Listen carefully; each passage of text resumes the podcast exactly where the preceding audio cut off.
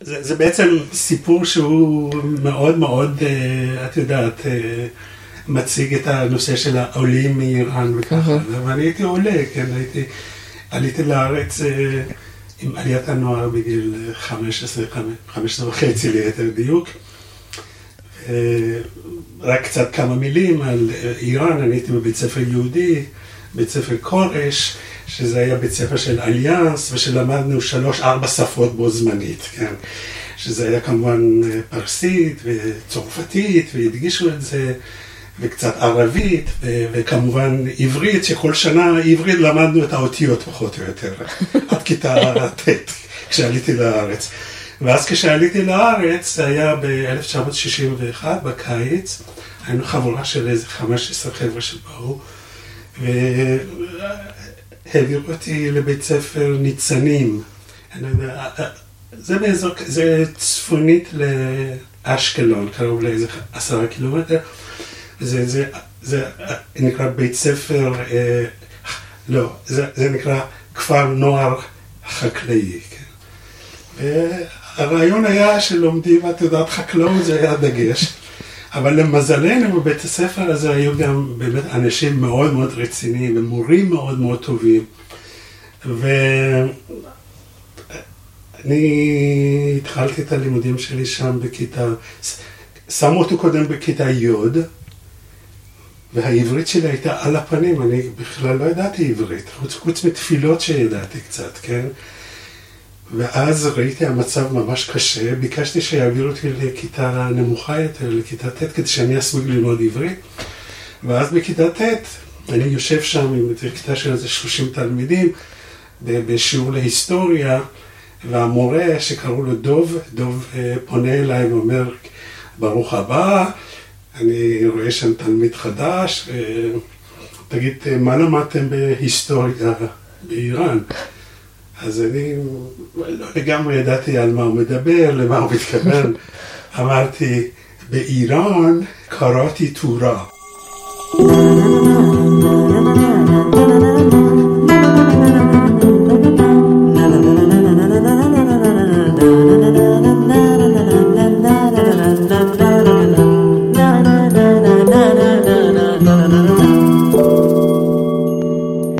איראניום מועשר איראן מאז ועד היום, עם דוקטור תמר אילם גינדין.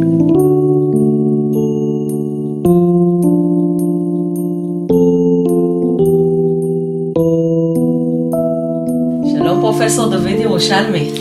שלום לך, יקירתי, דוקטור תמר גינדין. וכדי, בגלל, מכיוון שהבטחתי למאזינים ש, שאני אדבר גם על החלק שלך בחיי האישיים, אז באותה כיתה, שבה נפגשנו לפני uh, עשרים ומשהו שנים, נכון. uh, אז גם uh, הכרתי את uh, אבי ילדיי הגדולים. אז uh, אילם זה בזכותך חלקית. כן. האמת הקשר כן, נוצר ממש בזה, בתקופה של... בכיתה שלך? בכיתה הזאת, בכיתה שלך. כן. כן, זה היה אינטנסיבי וטוב, היו לו לזה תוצאות מאוד טובות. כן. אה, אבל בוא נדבר עליך, כי אתה האורח היום. בבקשה. אה, אז אה, אתה לימדת שנים באוניברסיטת תל אביב, בוא, בוא נספר קצת על הדרך שלך, על המחקר שלך.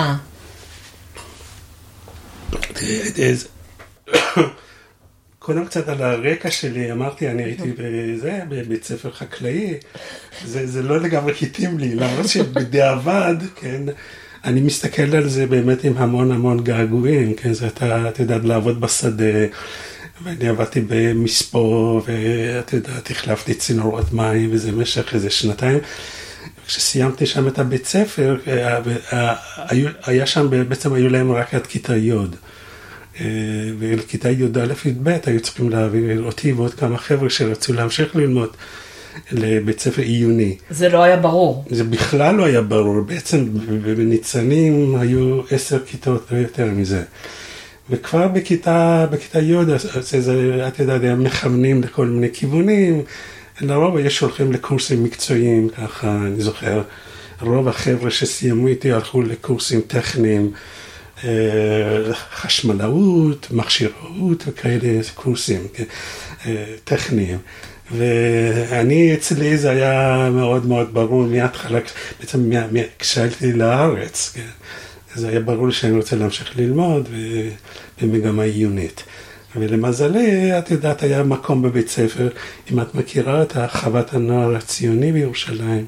כן, אני לימדתי שם עברית אה, בתיכון רמה ישראל לפני אה, גם משהו כמו 20 שנה. כן, אז, אז, אני, אז, אז את יודעת איפה זה ממוקם, ו, וזה, אז זה היה חלק בעצם מהתנועה הליברלית, מה שנקרא, המנהלים, כולם היו, כן, ברובם, ברובם היו גם פעילים בתנועה הציונית הליברלית, מה שנקרא. וההורים נשארו באיראן. זה, המקרה שלי הוא קצת מקרה קשה. אבא שלי נפטר איזה שנה לפני שעליתי לארץ, ואימא שלי נפטרה שנה אחרי שבאתי. אז בעצם תוך שנתיים אני איבדתי את שני ההורים שלי. וגם לבד בארץ זרה. וגם לבד. לבד בארץ זרה, כל המעבר הזה, בנוסף לזה, כל היתמות וכל הקשיים, לא היה קל. הכל אבל, הכל יחסי, אני הייתי במשפחה של, אנחנו היינו חמישה אחים ואחות, אני השלישי במשפחה, לצעירים יותר זה היה יותר קשה, הרבה יותר קשה. אני עכשיו הייתי יחסית יותר גדול, אז ידעתי איכשהו להתמודד עם זה, הייתי בן 16, כשאימא שלי, כן, שישה חודשים אחרי שעליתי לארץ, אימא שלי נפטרה. אה, האמת היא שזה כל הסיפור של העלייה שלנו אולי גם מתקשר לנושא היותר גדול של עלייה מאיראן בשנות ה-50 וה-60. Uh, הייתה הזדהות גדולה מאוד, כן, עם, עם, עם, עם מדינת ישראל, כל הנושא של עצמאות מדינת ישראל, וזה יצר כזאת התלהבות ענקית, כן, בקרב הקהילה היהודית. אני גדלתי בטהרן, אז, uh, ובבית ספר יהודי, אז היה עוד יותר חזק. אז כשבאו פעילים ושליחים של אה, תנועת הנוער הציוני לארץ ותנועת החלוץ, אז אנחנו בבתי ספר יהודים הגבנו לזה בצורה מאוד מאוד חיובית, עם הרבה הרבה התלהבות. וזה גם היה רקע לעלייה שלי, ואני עליתי עם אח יותר צעיר, שהוא צעיר ממני בשלוש שנים, ועלינו ביחד. אה, אז לחזור לסיפור של הלימודים שלי ברקע, אני יכול לדבר על זה. רגע, אבל אה, היו גם אחים יותר גדולים בארץ? הייתה לכם משפחה בארץ? הם באו יותר מאוחר, הייתה לי דודה שגרה אז במרכז של האיראנים של התקופה ההיא, שזה חולון, כן? עד היום, לא? עד היום, כן, כן, יותר מאוחר גם... אה, שלא לא להכניס סיפור לתוך סיפור, אנחנו אחרי ש... הסיפור אחרי... בתוך סיפור זה אצלנו... כן, כן, בעצם דודה שלי עלתה ב-51, זה בעצם אחות של אבא שלי. וכשעלינו לארץ, היא איכשהו קיבלה אותנו, אותי ואת אחי, וגם גם הבן דוד שלה היה איתנו, אז אנחנו שלושה שנקרא משפחת ירושלמי, אז קיבלו אותנו יפה. אז היא אימצה אתכם. אה, ממש אימצה, והם היו באמת תמכו בנו גם במיוחד אחרי שאימא שלי נפטרה, אז בכלל. אני והמשפחה חייבים להם ממש חוב מאוד מאוד גדול. אה, אז, אז בקיצור, אמרתי סיפור בתוך סיפור. אה, אני עליתי עם אח יותר צעיר ממני, ושני הגדולים נשארו באיראן. האח הראשון, הוא בעצם אז למד אה, באוניברסיטת טהרן, למד ספרות צרפת, ספרות צרפתית ותרבות צרפתית. בעקבות האליאנס, כמובן, ברור, ברור. והאח השני היה צריך להתגייס לצבא, והתגייס לצבא, ומה שקרה בסופו של דבר, שהם עלו אחר כך, איזה. אחד במרחק של אה, שנתיים. אני יודעת שהרבה איראנים היו באים לארץ כדי לא להתגייס לצבא. אמרו, אם כבר מתגייסים לצבא אז לצה"ל. נכון. אבל הוא התגייס לצבא השעה. נכון, הוא, הוא התגייס לצבא השעה, וכן, הוא שירת uh, שירות מלא. והגיע לפה, וה... זאת אומרת, סיפור בתוך סיפור, בגלל שאנחנו, הקשר הראשוני שלנו היה עם חולון, אז גם עם הכסף שנשאר לנו מיד, קנו דירה בחולון. עד עכשיו יש איזה הדירה שלנו בחולון, אנחנו מדברים על זה כאילו זה הבית שלנו. למה שכל אחד מאיתנו כבר יש לו נכדים, כן? אז, אה, ואם לחזור קצת אה, למה שסיפרתי בהתחלה, אה, בג... זאת אומרת, כשהעבירו אותנו, אנחנו חבורה של עשרה חבר'ה, שנשארו מתוך כיתה של איזה שלושים. שרצו להמשיך ללמוד, נמצאו מתאימים במרכאות, כן? והעבירו אותנו לחוות הנהר הציוני, ופה למדתי שנתיים ועשיתי בגרות, והתגייסתי לעתודה האקדמית, והתחלתי ללמוד בחוג להיסטוריה של המזרח התיכון ומדעי המדינה. סיימתי את זה, התגייסתי לצבא כי הייתי עתודאי והייתי בקבע כמה שנים. ואז גם כן, שוב, החיידק הזה של לימודים לא עזב אותי. למרות שכבר היה לי תפקיד מאוד טוב בצבא ומאוד מפתה להישאר שם. אה, החלטתי לעזוב, אז כבר עמדתי לקבל רב סרן ועזבתי. ומאוד מאוד... מתי זה היה? זה ב-75. והחלטתי לנסוע לאמריקה, ואנשים אמרו, אתה משוגע לגמרי, מה אתה עוזב עבודה בטוחה, עם פנסיה ותנאים ואפשרות קידום ועבודה מעניינת, מה, מה, מה, מה חסר לך? אמרתי, לא, אני, הסיפור שלי זה להמשיך ללמוד. והגעתי בעצם לאוניברסיטת ויסקונסין במדיסון, לעשות תואר, אז מאוד התעניינתי בהודו, בפילוסופיה הודית. כן, והלכתי ללמוד סנסקריט, זה בעצם, אוניברסיטת מדיסון בוויסקונסין, אני לא יודע, את בטח יודעת, זה אחד מהמרכזים להוראת הסנסקריט ולימודים הודיים ותרבות הודו. אני יודעת על האוניברסיטה העברית. את יודעת על האוניברסיטה העברית? אני יודע, אני יודע. אני את הסנסקריט שלי רכשתי באוניברסיטה העברית והפצתי באוניברסיטת תל אביב. כן, אני, כן. אני יודע ש... טוב, שוב, שוב אנחנו ככה סוטים קצת, אני יודע, החוג שאת uh, למדת פה ועשית דוקטורט, החוג ללימודים איראנים והודיים, כן, וארמנים, כן, ופרופסור שאול שקד. כן, לצערנו פירקו את החוג וצרפו את הודו למזרח אסיה ואת uh, איראן למזרח התיכון, אבל האוניברסיטה העברית הייתה המקום היחיד שבו החלוקה הייתה נכונה. לימודי הודו, איראן וארמניה, כי באמת יש אה, שורשים משותפים והשפעות תרבותיות. ברור. איראן הרבה יותר דומה להודו מאשר למזרח התיכון, הרבה יותר. והודו הרבה יותר דומה לאיראן מאשר לסין. הרבה יותר. זה נכון. אה, זאת אומרת, אם לחזור לסיפור שלי, אני הלכת, בעצם מה הביא אותי להודו? כן, אני למדתי עם פרופסור, כשהייתי עוד בצבא, התחלתי ללמוד פרופסור שקד, דתות איראניות. והשורשים שכמובן של דתות איראניות, זאת הדת הזורואסטרית, כן, והפוליטאיזם ש... והרפורמה שזרטוסטרה עשה בתוך המרחב הפוליטאיסטי ההודי, כמובן זה מאוד משך אותי גם לראות מה השורשים. כן, צריך ללמוד את השור... אני, אני התחלתי ללמוד הודו כי, כי כשבאתי לראיון לפני, לפני תחילת לימודים בבלשנות, לפני תואר ראשון, יש ראיון. כי מכיוון שהפסיכומטרי והבגרות שצריך, נתוני הפתיחה הם מאוד נמוכים, רוצים לנפות את האנשים שחושבים שהם הולכים להיות בלשים. כן, כן, כן. אה, כן, גם צריכים... אז יש רעיון. גם בעברית יש בעיה שם. אז יש ראיון, כן. אה, ובריאיון עם פרופסור אריאל שישה הלוי, הוא שאל אותי, מה את רוצה, כאילו, מה- מה השאיפות שלי? אז אמרתי, אני רוצה ללמוד פרסית עתיקה והווסטית. אני חושבת שממך אפילו שמעתי אז בחדר האוכל אה, בבי- בביטן. כן, אה, כן, בבית אהרון זה היה, כן, נכון. ביטן אהרון. כן. שיש אה, שני פרופסורים באוניברסיטה העברית שכשהם נפגשים הם מדברים באווסטית. זה לא היה נכון, אני שאלתי אחר כך את שאול, כי אמרתי... שאול, כן. אמרתי, אם זה נכון, אז אחד מהם צריך להיות שאול, והשני גם צריך להיות שאול, מגרון. אבל אה, זה, זה לא היה נכון. אבל אמרתי לו, אני כאן כדי ללמוד פרסית עתיקה, והוא אמר, את חייבת סנסקריט. כי זה הבסיס. ברור. מכיוון שבהודו הדת אה, יותר, הדת יותר מתועדת, והשפה יותר מתועדת, והכל יותר מתועד, אז מתחילים מזה. אה, וגם מכיוון שבאיראן זאת הייתה רפורמה.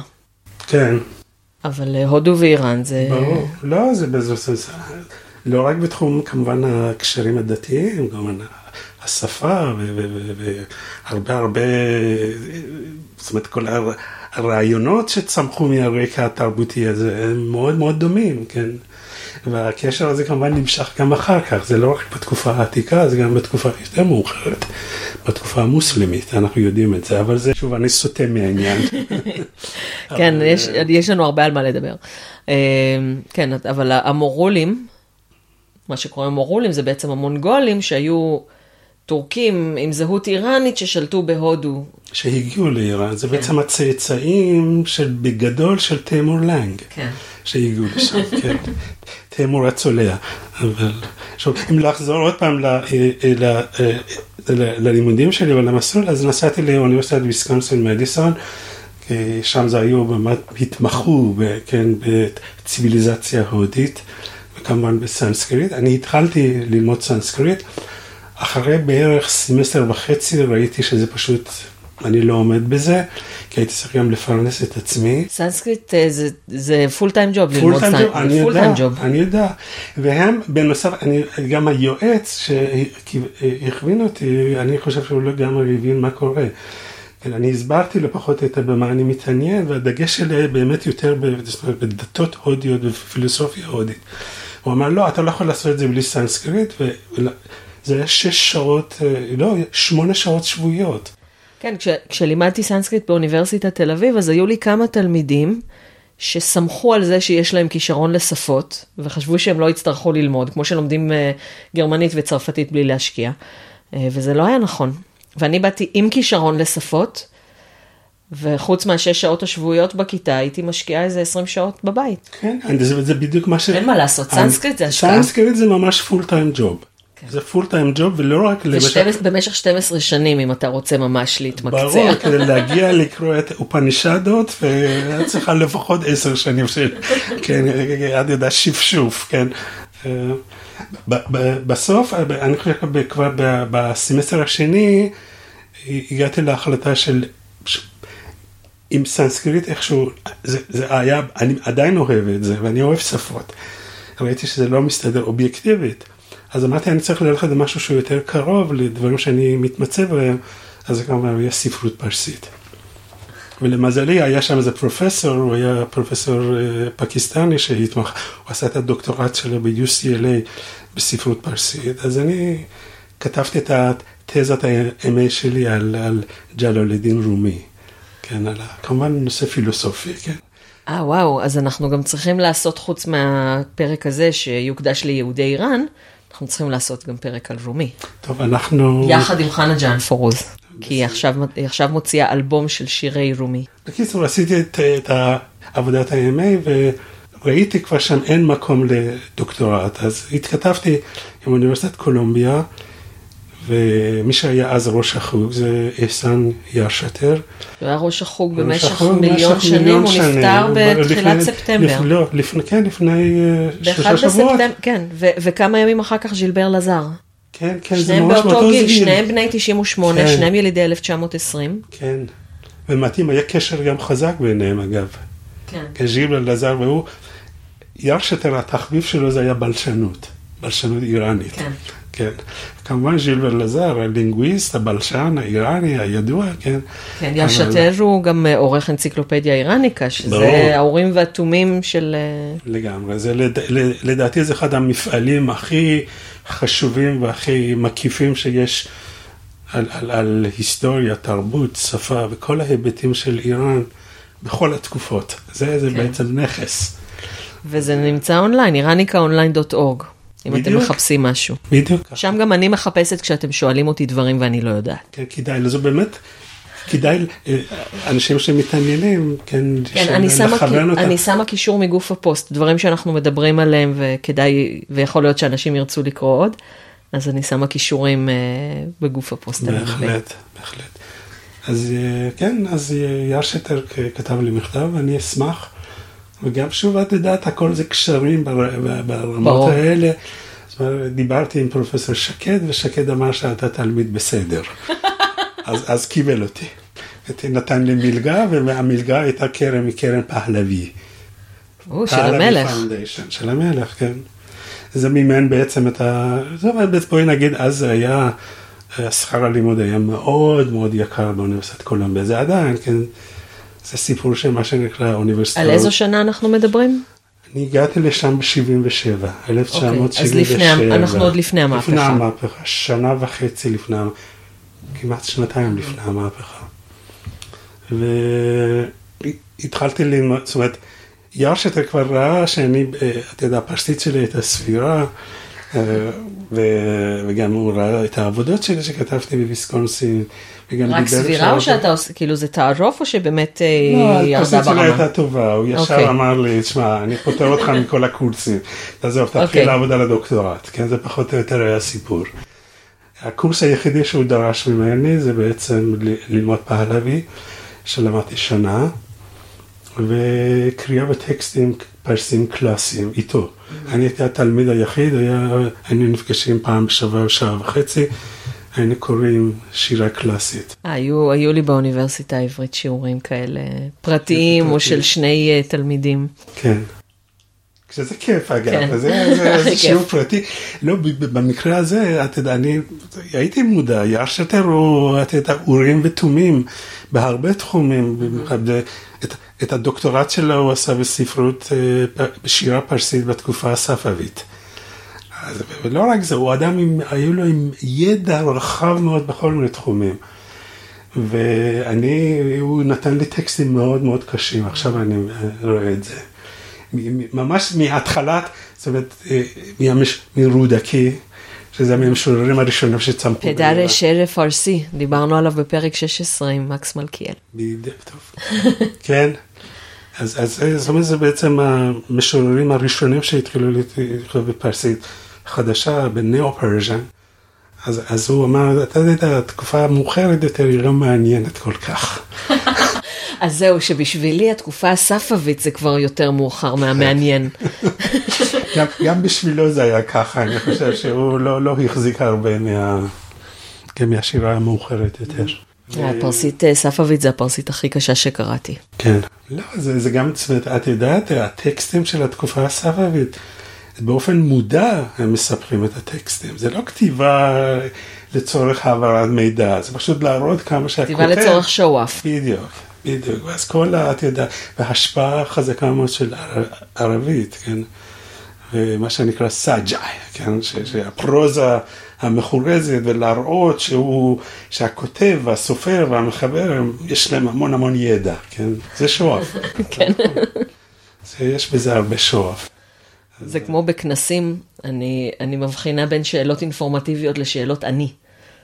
יש את אלה, הרבה מהם זה שאלות אני. כן. זה נכון. וזה מביך הרבה פעמים. כן, ואז כאילו חמש דקות שואל את השאלה, ובסוף אתה אומר, יס. כאילו, כן, מה- מה הש- מה השאלה בעצם? כן, זה נכון. אה, אז בוא נגיע ל, ל, לאוניברסיטת, לאיך הגעת לארץ, כי יש לנו גם שאלות מה, מהקהל שאני רוצה שנגיע אליהם, אה, והם יכוונו אותנו לדיון ביהודי איראן. אז איך אתה הגעת, אז בוא, אחרי הדוקטורט, מתי בסדר, הגעת? בעצם אה, אה, עוד לפני שסיימתי את הדוקטורט, פנו אליי מאוניברסיטת תל אביב. אמרו שיש לנו משרה, פותחים את החוג. פותחים את החוג ויש לנו, בעצם מישהו לימד שם פרסית, אבל לא במשרה מלאה. והם רצו להרחיב, כן, וליצור תקן, שזה גם בעצם הוראת שפה, וגם היבטים של היסטוריה ותרבות, והציעו לי את התפקיד, זה היה איזה שנתיים לפני שסיימתי את הדוקטורט, זה היה ב-83, עזבתי הכל ובאתי לארץ, אה, חזרתי, זאת אומרת, באתי לאוניברסיטת תל אביב, התחלתי ללמד. אז בעצם מ-1000, כן, 983 עד לפני שנתיים, כן, לימדתי באופן רצוף שם. אבל יש עוד סיבוך בתוך זה, כי באותו זמן, אחרי שנתיים סיימתי את הדוקטורט באוניברסיטת קולומביה, והנושא שלי, אם כבר לחזור לנושא של היהודים, אני התעניינתי מאוד אה, באותה תקופה גם בספרות השוואתית. זאת אומרת, רציתי לראות מה הקשרים בין ספרות עברית לבין ספרות פרסית לבין ספרות ערבית.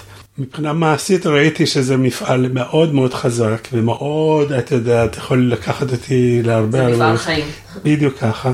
אז אמרתי, אני אנסה לראות לפחות קשר, לפחות בין פרסית, כן, לעברית. וזה הביא אותי לספרות של יהודי איראן, וזה גם היה הנושא שעשיתי את הדוקטורט. אמ, אתה יודע מה? רצית, רציתי לעשות קודם קצת רקע על יהודי איראן, אבל אם אנחנו כבר מדברים על ספרות אה, פרסית יהודית, אז בוא נשמע את השאלה של אליחי. שלום תמר, אה, מדבר אליחי כנפו, ברכות על הפודקאסט המצוין. אני אשמח לשמוע על אה, אחת מהיצירות המעניינות בתולדות יהודי פרס, שרח איש שהין, אני מקווה שאמרתי את זה נכון, תודה רבה. אז שהין. לגבי שהין, תראי, זו תופעה שעדיין פשוט אנחנו לא, לא, לא מבינים מה קרה, כן?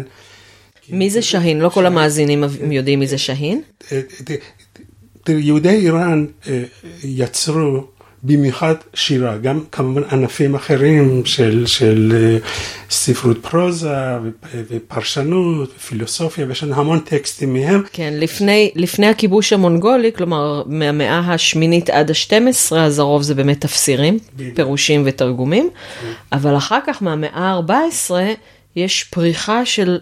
שירה קלאסית ששהין הוא אחד המייצגים שלה. זאת אומרת, יוצא שזו גם הראשון ובאופן אובייקטיבי הוא יוצא שהוא גם המשורר הכי פורה והכי מעניין.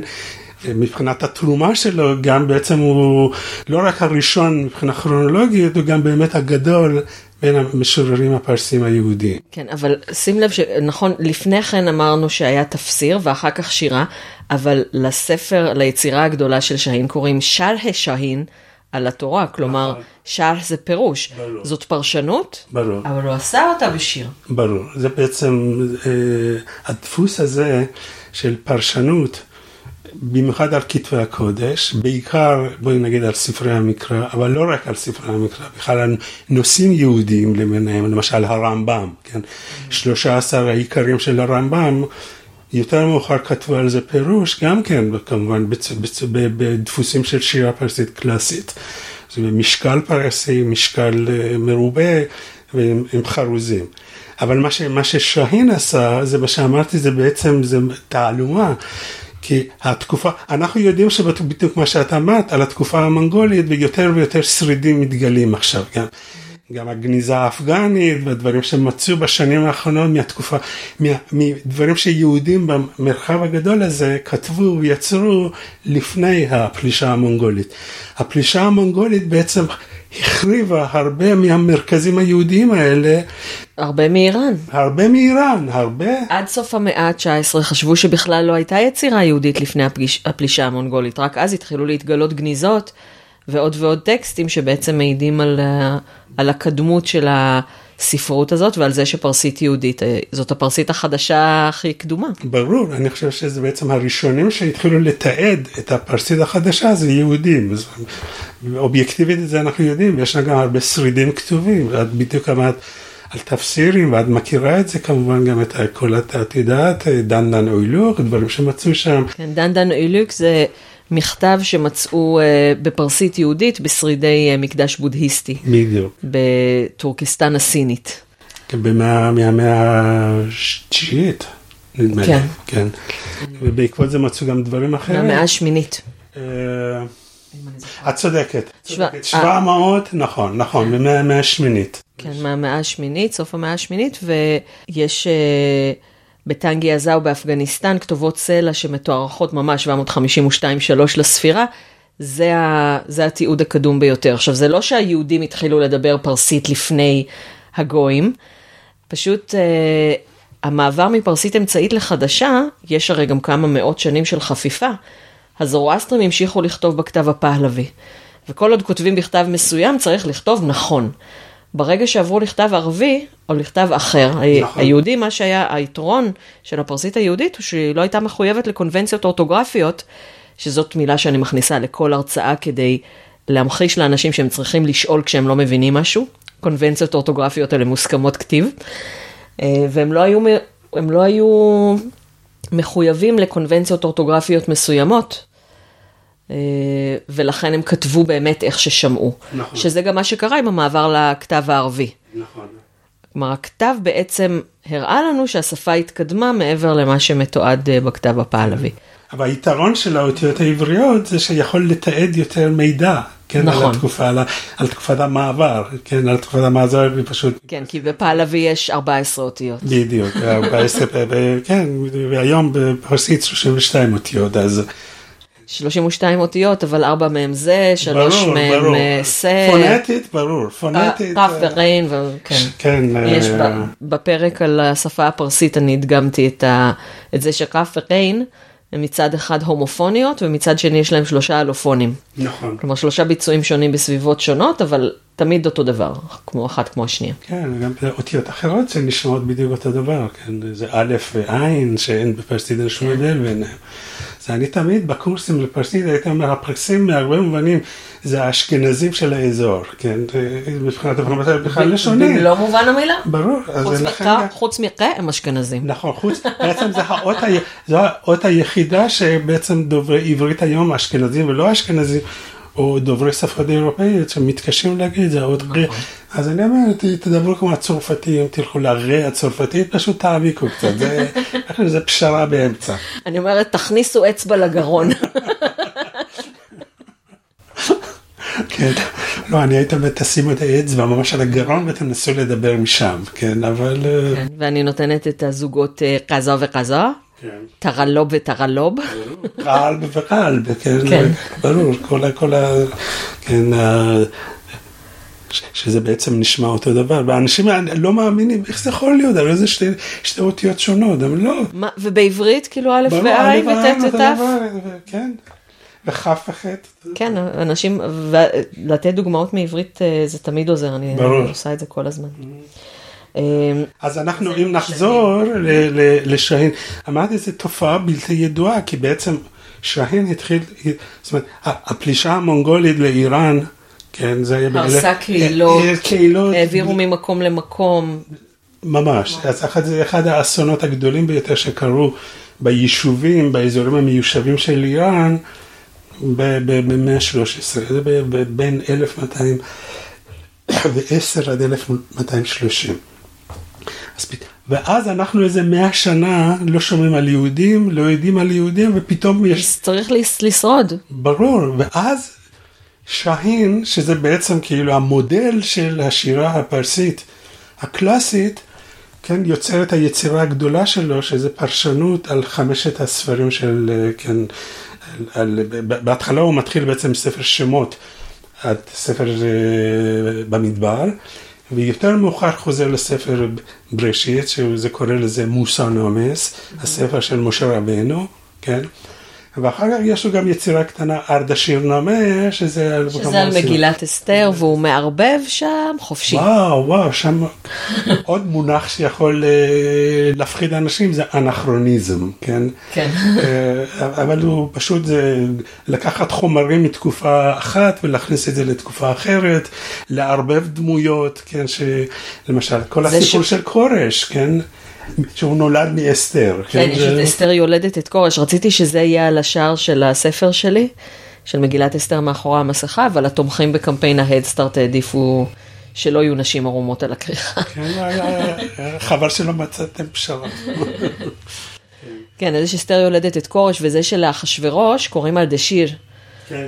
שזה בעצם השם של ארתחשסתא, לא של... נכון, נכון. אחשוורוש זה חייר שר, על דשיר זה ארתחשסתא, והוא גם קורא לו בהמן, שזה בכלל המן והומנה. ברור. סלט גדול. לא, לא, זה, אבל, אבל, אבל, ה, זאת אומרת, הגדולה של, שלו, זה היכולת שלו להשתמש גם במקורות יהודיים, וגם במקורות פרסיים ואסלאמיים. האדם הזה היה מ- מלומד גדול מאוד, ואנחנו לאט לאט, כשמתחילים לעבוד על היצירות שלו ולברר את הרמיזות, את, ה, את, ה, את ה, מה שנקרא, את ההתייחסויות של המקורות, אנחנו רואים עד כמה הבן אדם הזה ידע.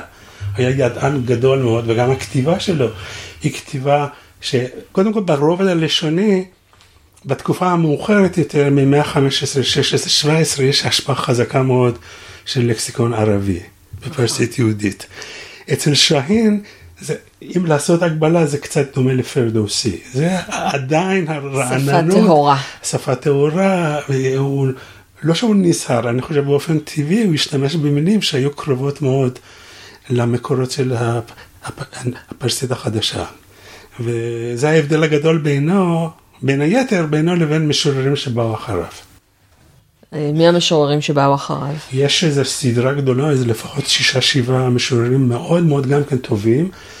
אני, אני אישית עבדתי על המשורר שנקרא המשורר השני בגדולתו בספרות הפרסית היהודית, שזה קוראים לו אמרני. אמרן זה עמרם בעצם, זה השם הערבי אסלאמי בקוראן של בעצם החותן, משה. אבי של משה. אז הוא, אנחנו לא יודעים מה היה השם האמיתי שלו, כנראה שזה מה שנקרא בפרסית תחלוס.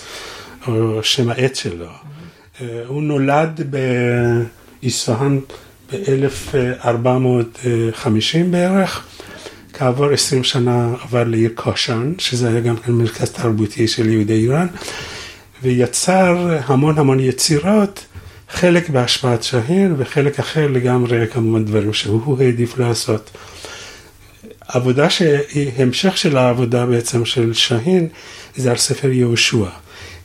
שהין גמר את העבודה שלו בעצם בחומש, בחמשת הספרים, והוא המשיך בעצם מאז כיבוש אה, ארץ ישראל, כן, ותקופת מה שנקרא התנחלות, שזה ספר יהושע, וספר יהושע וחלק מספר שופטים. וזה בעצם, הספר שלו נקרא ספר, הספר הגדול שלו, פתח נעמי, ספר הכיבושים. זה כמובן ספר ההתנחלות, כן, והסיפורים האלה שמופיעים בכל הפרקים.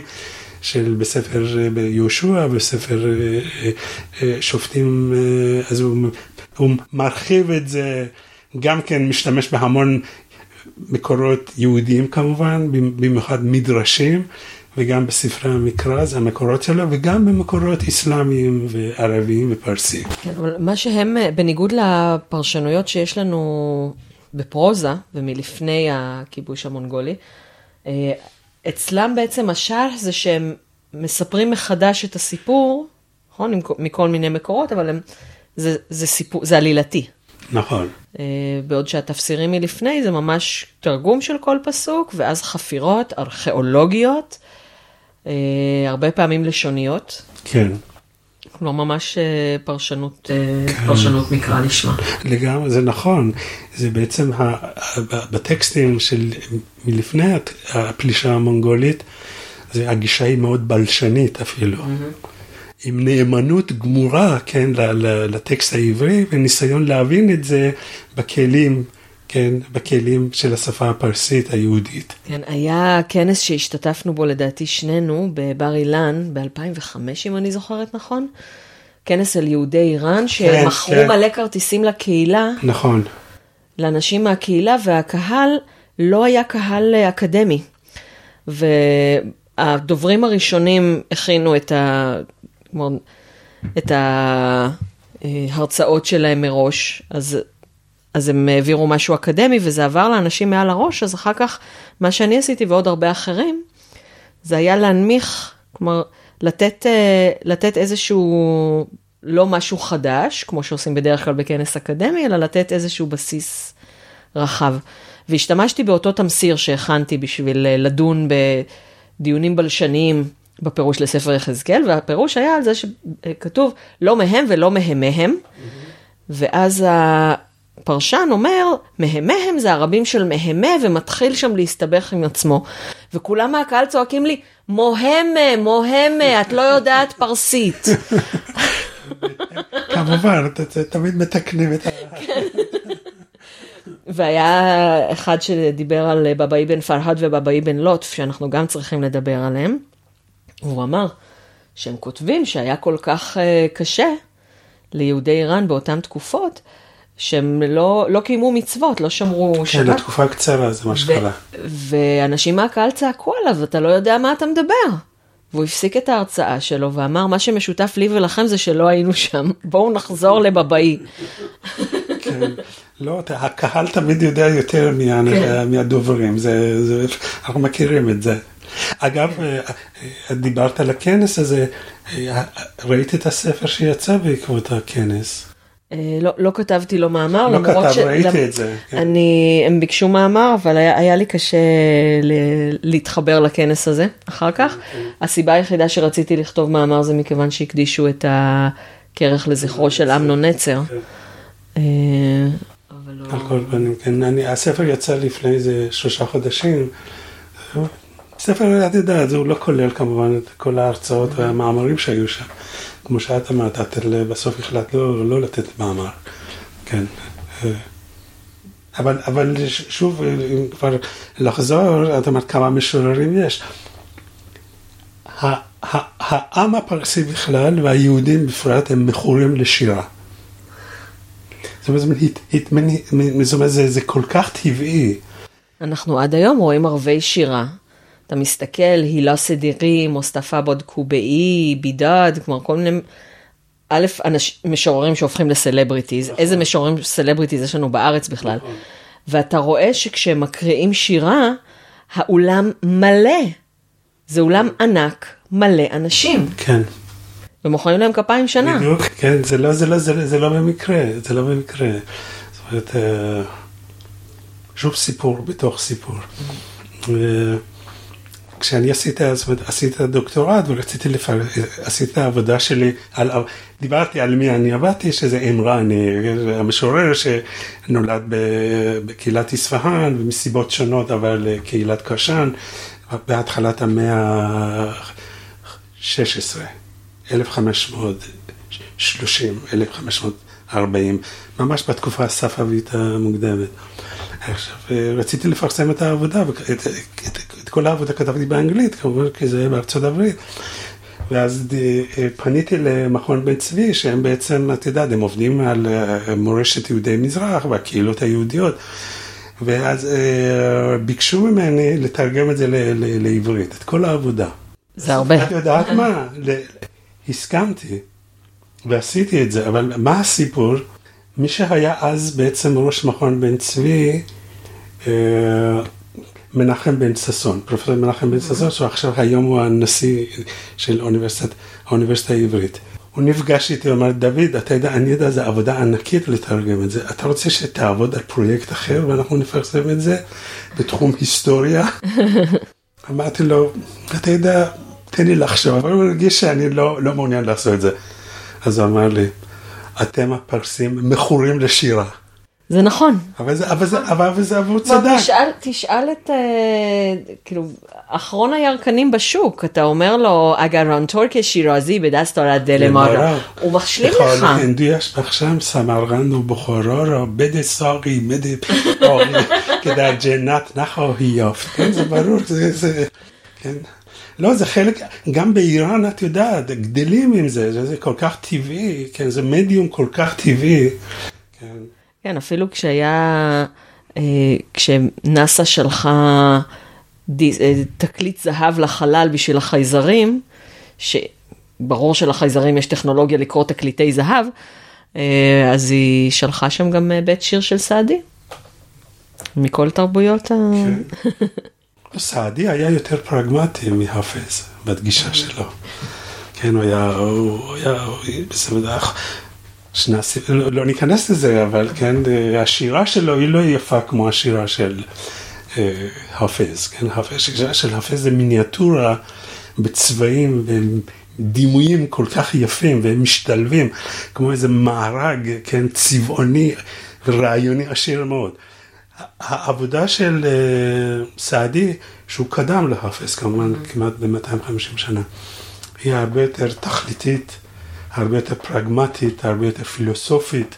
זה גם הרבה יותר סיפור שיר, סיפור שיר, סיפור שיר. זה בגולסטן שלו, כן, שזה שילוב של כן, חוכמה ושירה. כן. איזה עוד, אה, דיברנו על אה, בבאי בן פרהד ובבאי בן לוטף, אז אולי נציין מה הם כתבו. כן, תראי, בבאי בן לוט ובבאי בן פרהד, הם כתבו אמנם, כן, אה, זאת אומרת, הם כתבו בחרוזים.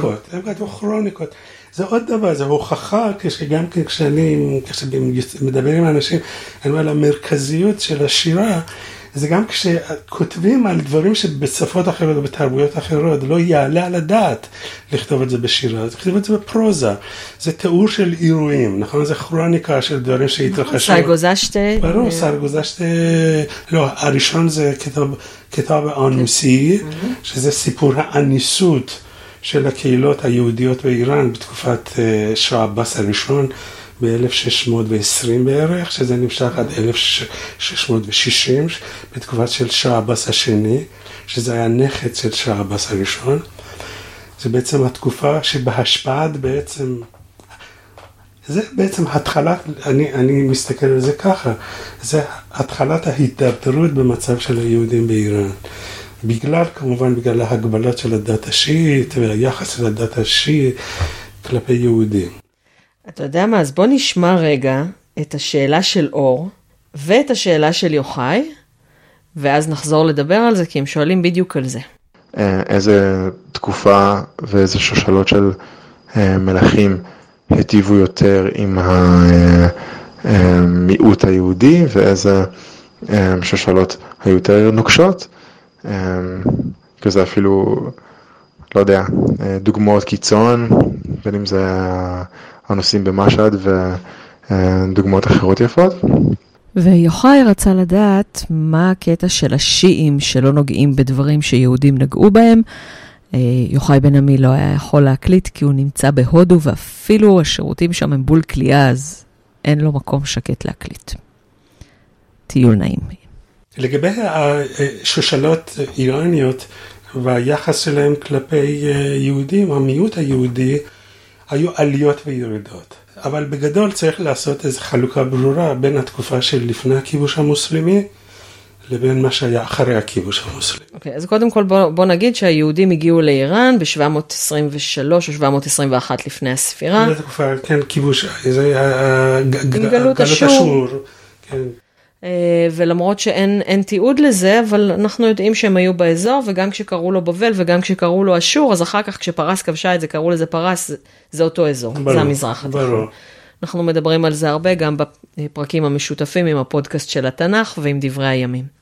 הפעם הראשונה ש, ש, שמתועד הקשר, מתועד במקורות שלנו, מקורות יהודים, לא מתועד במקורות נכון, uh, איראנים. כמעט אין התייחסות במקורות uh, איראנים. נכון, ואצלנו יש בדניאל, עזרא, נחמיה וכמובן אסתר. ברור, ברור. בתקופה הזאת, התקופה של המלכים האחימנים, כורש, דריווש, אחשורוש והאחרים שאתם פחות מכירים, אין שום התייחסות ליהודים בכתבים איראנים. נכון, נכון.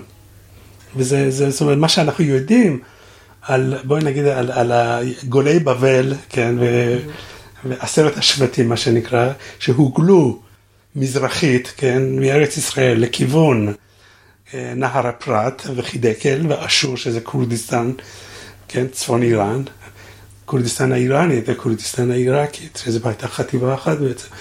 כל האזור הזה, כן, בעצם אנחנו... בתקופה הטרום-אסלאמית אין לנו כמעט התייחסויות במקורות האיראנים לגבי היהודים, אין אזכורים, אין התייחסויות. ההתייחסות הראשונה היא במאה השלישית, אחרי ששפור עושה, הופך את ה... מהשושלת הססנית כבר, כן? הופך את הדת הזורואסטרית לדת הרשמית של המדינה, אז יש כהן דת מטורף בשם קירדיר, שאומר, והרגתי מלא כופרים, ואז הוא אומר איזה כופרים הוא הרג, מנדאים, נוצרים, ויהודים. כן. זה האזכור הראשון של יהודים. נכון. כל הסיפור של מגילת אסתר לא מתועד, לא אצל האיראנים ולא אצל אחרים, רק אצלנו. אה, כורש, שבספר עזרא מדבר עם אלוהי השמיים, שיבנה לבנות את המקדש, את המקדש בירושלים, בגליל כורש, הוא נכון. מודה למרדוק, ואומר, ברור, חזרתי ברור, לכל האלים את האנשים. הוא מודה למרדוק, והוא גם, את יודעת, מקריב כן. קורבן ל, ל, ל, כן, כן, במקדש. ו- כן. ואני מבקש מכל האלים שהחזרתי להם את האנשים ובניתי להם את המקדשים, להגיד עליי איזה מילה ברור, טובה למרדוק. ברור. אז אחד מהם הוא האל שלנו, אבל הוא לא מוזכר במפורש לא. בהצהרה, נכון. בשריד הארכיאולוגי שנשאר, רק בספר עזרא. נכון. לכן תראי, גם בעקבות מה שאת אמרת, רוב הדברים שאנחנו יודעים על היהודים באיראן זה בעצם אחרי הכיבוש המוסלמי. נכון, עוד דבר אחד שאנחנו רוב, יודעים. רוב הידיעות שלנו, גם על היישובים שבהם הם ישבו וחיו ופעלו, וגם מידע על דברים אחרים בנוגע לתחומי הדת, חברה, קהילה וכך הלאה. נכון, אנחנו יודעים מתקופת התלמוד. אה, מהתלמוד עצמו אנחנו גם יודעים על קשרים, אבל אני משאירה את זה לפרק עם שי סקונדה, כשנצליח למצוא זמן. אה, ועוד מקור איראני בשם שאלסטני הוי איראן שר, שמספר לנו על שושן דוחט. נכון, שזה בעצם קבר, לפי כל המידע הארכיאולוגי, כנראה קבר אסתר ומרדכי, שנמצא בעיר המדאן באקבתנה, כנראה שזה שושן דוחט. כן, כנראה שזאת שושן דוכט ואבא שלה, שהיה רש גלותה, ושושן דוכט הייתה אשתו אה, של המלך יזדגרד השלישי או הראשון? נדמה לי הראשון. הראשון, ואימא... יזדגרד השלישי זה היה יזדגרד האחרון. אה, זה האחרון, נכון, אה, של יזדגרד הראשון, ואימא של בהרם גור, שהוא השלמה המלך של השאנמה. בדיוק, בדיוק. אה, וכמה סיפורים ממנו גם אה, מופיעים בגיבורים מלכים ודרקונים, מיתולוגיה איראנית לכל גיל, שזה באמת לכל גיל, זה לא ספר ילדים רק. נכון. עכשיו באמת לענות אולי באופן ספציפי לשאלה, אוקיי, אז היה לנו אה, פשלה עם החשמל, אבל למרבה המזל אה, זאת הייתה פשלה מאוד קצרת מועד. ומזל גדול שאתה... מזל שאני מדי פעם מקישה פה על ה... זה כדי לראות שגלי הקול עדיין עובדים. זה בדיוק כשאני עובד, את יודעת, אני מדפיס מקליד, אני פרנואיד, אני כל כמעט חומש, כל חמש דקות, אני לוחץ לוודא ש... לעשות, כן, save, כן. כן, ואחרי הפשלה שהייתה לי עם אה, חשי עזד, ששעתיים שעתיים חיכיתי לו, אחר כך אה, שעה אכלנו, אחר כך שעתיים הקלטנו, ואז כשבאתי הביתה לערוך את זה, את רואה ש... אז אני רואה שזה הקליט, המגעים לא היו טובים וזה הקליט מתכתי. טוב, מאז את... ל- אני לומדת אז- מכל... אה, כן. אה, אז היינו בשושלות, אמרנו, דיברנו על זה שבהרם גור הוא בנה של שושן דוכט. זה נחשב היסטורי מכיוון שאנחנו יודעים את זה ממקורות איראנים, אבל בעצם עד התקופה האסלאמית אין לנו מקורות איראנים חוץ, מש, חוץ מהדברים הקטנים האלה. על יהודים, כל מה שאנחנו יודעים זה ממקורות יהודים. ואז מגיעה התקופה האסלאמית. נכון. בתקופה האסלאמית בעצם יש פריחה, לפחות בכל מה שאנחנו יודעים על מקורות מידע, שזה דברים שכתבו המוסלמים, דברים שהיהודים בעצמם כתבו, ועדויות, במיוחד הוכחות, כן, אם זה כתבי עת, כתבי יד וכך הלאה, מכתבים. והתייחסויות, כן, למצב של היהודים. ועצם זה שבאמת אה, שהין היה יכול אה, לכתוב, זה, לא זה שהם יכלו לכתוב. זה ברור, ש... שיכלו לכתוב ושהיה להם ידע כזה רחב. זה לא יכול להיות שלא היו שם בתי ספר, בוא נגיד, שלא, שלא היו ישיבות, שלא היו מרכזים של השכלה יהודית. זה לא יכול להיות שפתאום ממצב של, את יודעת, בואי נגיד, אה, חלל ריק, פתאום צמח מישהו שכן, יש לו את, ה, את העולם העשיר הזה, גם של ידע. וגם של ידע ביהדות וידע באסלאם וידע במקורות פרסיים, לא יכול להיות. כנראה שזה, היו שם יסודות, היו שם בתי ספר, היו שם מערכת חינוך, היו שם חיי קהילה וכך הלאה. אבל, אבל בוא נגיד, זה, זה, זה מה שקוראים בשפה משפטית, זה מה שנקרא הוכחה נסיבתית, כן? אין לנו, אין לנו, כן, מידע מפורט על המצב של היהודים בעצם, אפשר להגיד עד מאה ה-12-13. נכון, וצריך לציין גם שבעצם מהכיבוש האסלאמי ועד עד תחילת המאה ה-16, איראן לא נשלטה על ידי איראנים. בדיוק ככה. מי היה שליטים של איראן? בכיבוש המוסלמי זה פחות או יותר זה היו ערבים.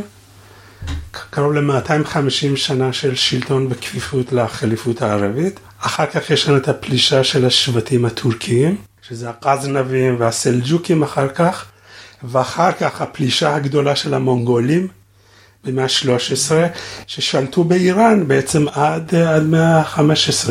עד מאה ה-15. ואחריהם ועד עד 1925 שוב טורקים. בדיוק ככה, ברור. שזה בעצם, ולמה זה טורקים? זה היו השבטים, כן, שעזרו לספאבים לעלות. נכון, הספאבים הייתה שושלת כן איראנית גנטית, כל השאר היו טורקים, אבל צריך להגיד, טורקים שמזדהים כאיראנים. נכון. כלומר, מבחינה גנטית הם היו טורקים, אבל השפה שלהם הייתה פרסית, התרבות שלהם הייתה פרסית, אז זה רק עניין גנטי להגיד שהם לא היו איראנים, הם לא היו ארים, אלא טורקים. וגם היה עוד משהו, תראי, לספאבים היה הכוח הצבאי, ברור? אבל הם היו צריכים ביורוקרטיה. אנשים שהיו צריכים לנהל את ענייני המדינה, והם כולם היו פרסים מקומיים. אז היה שילוב של בעצם כאילו כוח צבאי, טורקי, טורקי מיסטי, ברור סופי, ספאבי זה בעצם, הם היו ראשי מסדרים באזור ארדביל ואזרבייג'אן, שתפסו את איראן, ויצרו, בעצם הפכו את הדת השיעית באיראן, בין היתר כ- כניגוד לדת הסונית של האימפריה הטורקית, האימפריה העות'מאנית. אז... ז- זאת שאלה שבאמת שאלו אותי בכיתה, ואני שאלתי גם את אורי גולדברג, וגם uh, אתה עכשיו מעלה עוד, uh, עוד אפשרות, למה שאה אסמאעיל הראשון, ילד ג'ינג'י בן 14, מחליט ב-1501 להפוך את הדת השיעית לדת של, ה, של איראן. כאילו, זה שאיראן שיעית היום בגלל ילד ג'ינג'י בן 14, מילא, אבל למה? אז אתה אומר שזה כדי ליצור עוד ניגוד. זה אחד ההסברים, כן? פשוט אה, אנחנו חיים עכשיו במאה ה-21 ויודעים את כל מה שאת יודעת, האידיאולוגיות כן. החילוניות עשו, אבל עד, עד המאה ה-17-18 האידיאולוגיות הדתיות הן ששלטו, ומה היו האידיאולוגיות, כן?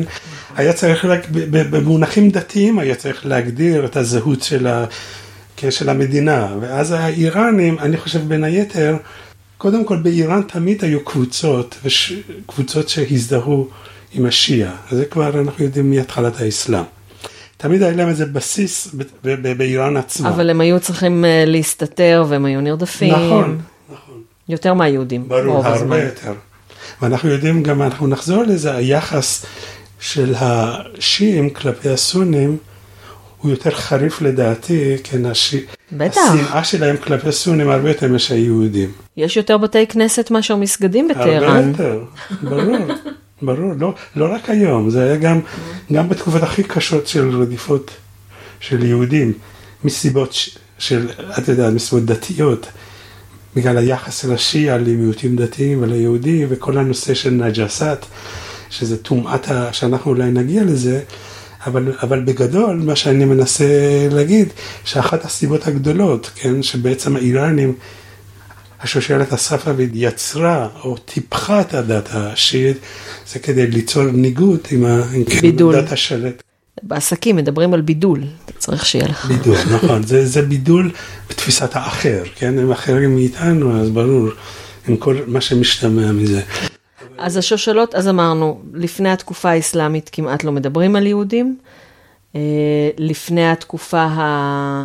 אה, בתקופה האסלאמית, כמעט אלף שנים ראשונות, יש יחס מאוד טוב ליהודים, זה לא איראנים, אבל יהודי איראן, היהודים שחיים באיראן זוכים נכון. ליחס טוב מהשלטונות. נכון, זה בעצם עד התקופה, גם עד דיברת התקופה על יהוד- הספאבית. דיברת גם על יהודים שהגיעו למשרות בכירות. ברור, כן, אני אמרתי, בתקופה, במיוחד בתקופה המונגולית, הצאצאים של אה, צ'נגיס חאן, שבעצם השתלטו גם על מרכז איראן, עד בגדד בעצם, ומצד שני הם שלטו בעצם במרכז האסיה.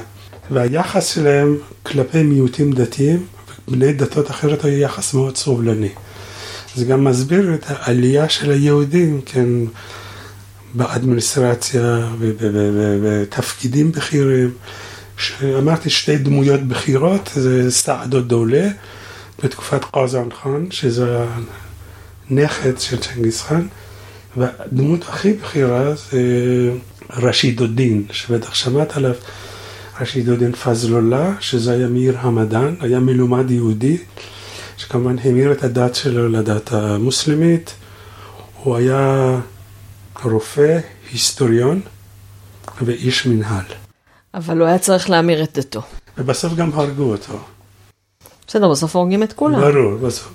כן, הוא פשוט, אה, את יודעת, הייתה קנוניה שהוא עדיין יהודי, ולא משנה. אוקיי, אז, אז מצד אחד אנחנו אומרים ליהודים היה מעמד מאוד גבוה, מצד שני יהודי שהתאסלם וגילו שהוא יהודי, אה, לא, הוא לא בדיוק. כן. לגמרי, כן, נכון. אבל אם, אם כבר לחזור לשאלה שהציגו בנוגע לשושלות האיראניות, של אור, כן. שאלה של אור, היחס של שושלות איראניות, תראי, השושלת הספאבית, היח, את זה אנחנו יודעים, המון המון מקורות. אה, בין היתר מקורות אה, נוצריים, של מיסיונרים נוצריים שהסתובבו באיראן, וגם מאז המאה ה-16 בעצם, כשהביאו את השועבס, שזה היה המלך הגדול ביותר של הספאבים, העביר את הארמנים, העביר אותם לאזור אספהאן. כן, אנחנו יודעים שאספהאן נהפכה בין היתר למרכז, לא העיר עצמה, אלא דרומית, העיר ג'ולפה שהקימו לנוצרים. זה היה מרכז נוצרי גם לנוצרים שהיו מבקרים מחוץ לאיראן, והם כתבו המון על האוכלוסייה ועל ההיסטוריה האיראנית, ובתוך זה יש גם המון מידע ליהודים. ועל היחס של השליטים הספאבים כלפי היהודים. היחס שלהם היה, היחס האישי שלהם היה מאוד מאוד עוין כלפי היהודים. האישי. אבל יש פרדוקס. בתקופה הזאת עדיין היהודים, אנחנו יודעים מכל מיני מקורות, שהמצב הקהילתי שלהם היה סביר. היו הרבה סוחרים ביניהם, היו הרבה עשירים ביניהם, וגם, וגם המר...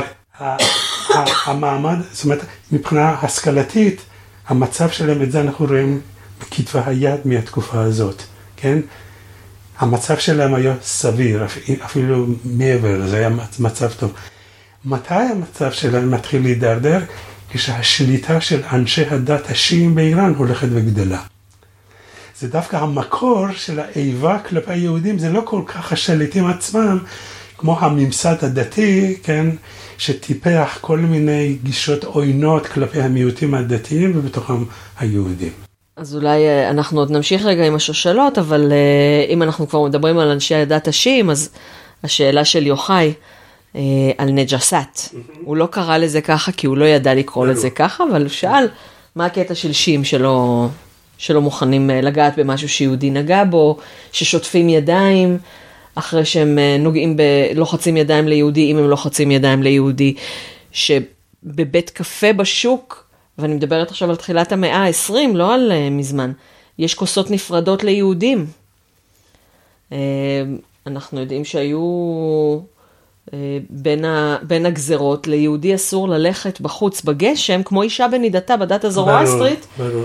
פן ידרוך בשלולית ומוסלמי אחר כך ידרוך בשלולית ויטמא מהטומאה של היהודי. כן, ולא רק זה, זאת אומרת, זה, כל הנושא הזה של טומאה, ב, ב, ב, בספרי החוק והמשפט, ההלכה השיעית, ואצל התיאולוגים השיעים, היו הרבה תיאולוגים מהמאה ה-16 והם קיימים עד היום, והם כותבים.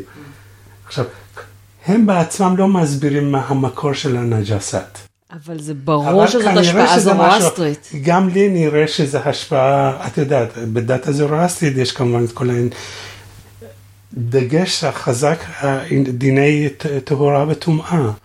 נכון, כי אנחנו, אנחנו בתור בני אדם, תפקידנו להביא לניצחון הטוב על הרע. ברור. ואיך נעשה את זה? רק אם נהיה טהורים, וברור שאנחנו לא נשתף פעולה, כן, עם אהרימן וכל מה שהוא מסמל, שזה טומאה ורוע וכך הלאה.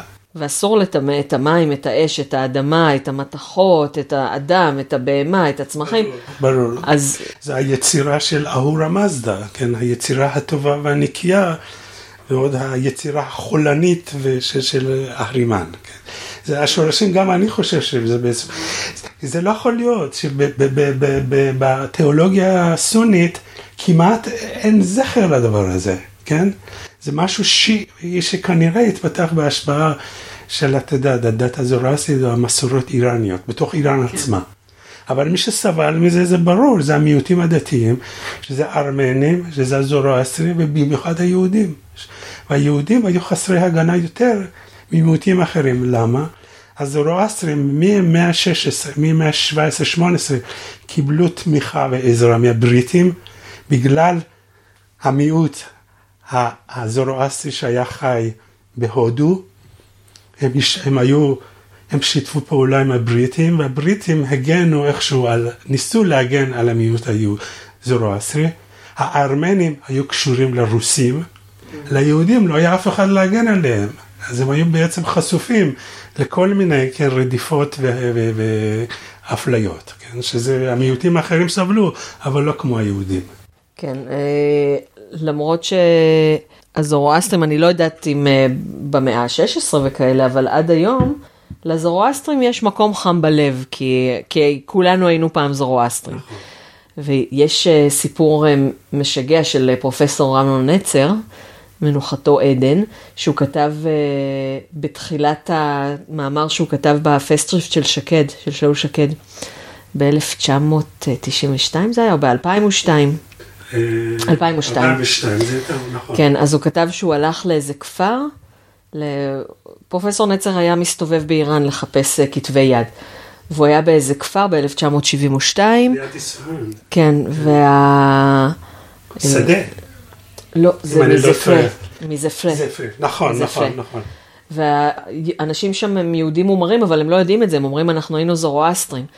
ואחד האנשים שם אמר, יש לי כתב יד עתיק, בכתב זורואסטרי מיוחד, שאני מסכים למכור לך בתנאי שלא תפרסם 30 שנה. והוא לא פרסם אותו 30 שנה, ואז כשהוא פרסם אותו זה היה תפסיר תהילים בפרסית יהודית, אותיות עבריות, אבל אה, גם אלה שההורים שלהם יהודים מומרים, אז אוהבים לומר שאנחנו היינו זורואסטרים. כן, כן. תראי, בדיני טומאה, כל העניין של, בערבית, נג'סה, שזה בפרסית טובה נג'וסת, נג'וסת בפרסית טובה, אף אחד לא אומר נג'וסת, קוראים נג'וסת ונג'ס. היהודים כמובן היו נג'ס, תראי, זה לא, את דיברת את התחלת מאה העשרה, ב-1956. אני הייתי ילד בן עשר, כן? ברובע הכי הכי היי של, של, של טהרן, כן? היהודים התחילו לצאת כבר, את יודעת, מהגטו, מהמעלה, והתפזרו בקהילות, הש... וזה ברובעים השונים. והייתי בבית ספר יהודי, ואת זה אני מספר בתור סיפור, כן? אבל זה, זה מייצג. כשהיינו חוזרים מהבית ספר, ללכת הביתה, היה חנות, הייתה חנות של איזה מוסלמי, שהוא מכר פירות יבשים וכאלה דברים. כשהיינו חוזרים מבית ספר, זה היה כל כך, את יודעת, היינו רעבים, כאלה, ארבע שעות היו מחזיקים אותנו בבית ספר. והיינו חוזרים הביתה, אוכלים שעה ועוד פעם חוזרים לבית ספר, מרחק של איזה קילומטר וחצי. אז היינו רעבים. ואני בדרך, כן, את זה אני אף פעם לא אשכח, כן, היה אדם מסור, מוסלמי מסורתי, הוא ידע בדיוק מי יהודי ולא יהודי. אני פעם בטעות רציתי לקנות ממנו תאנים יבשות, כן? זה, זה אנג'יר בפרסית. נגעתי באנג'יר. את יודעת מה הוא עשה לי? הוא היה לו אה, סרגל מברזל. הוא היכה בעוצמה כזאת על היד, יד של כמעט שבר את האצבעות שלי. וואו. מה אתה נוגע בדברים? מה, אתה יהודי טמא, מה אתה נוגע בסחורה של... כן. ומתי אנחנו מדברים? בתקופה, בהתחלת הרפורמות של השעה. זה 30 שנה, בעצם 40 שנה של רפורמה של התקופה הפהלווית. 35 שנים. איפה? במרכז טהרן, קרוב לארמון של השעה. כן, זה, זה היחס. הדברים האלה לא נעלמים, כן, זה...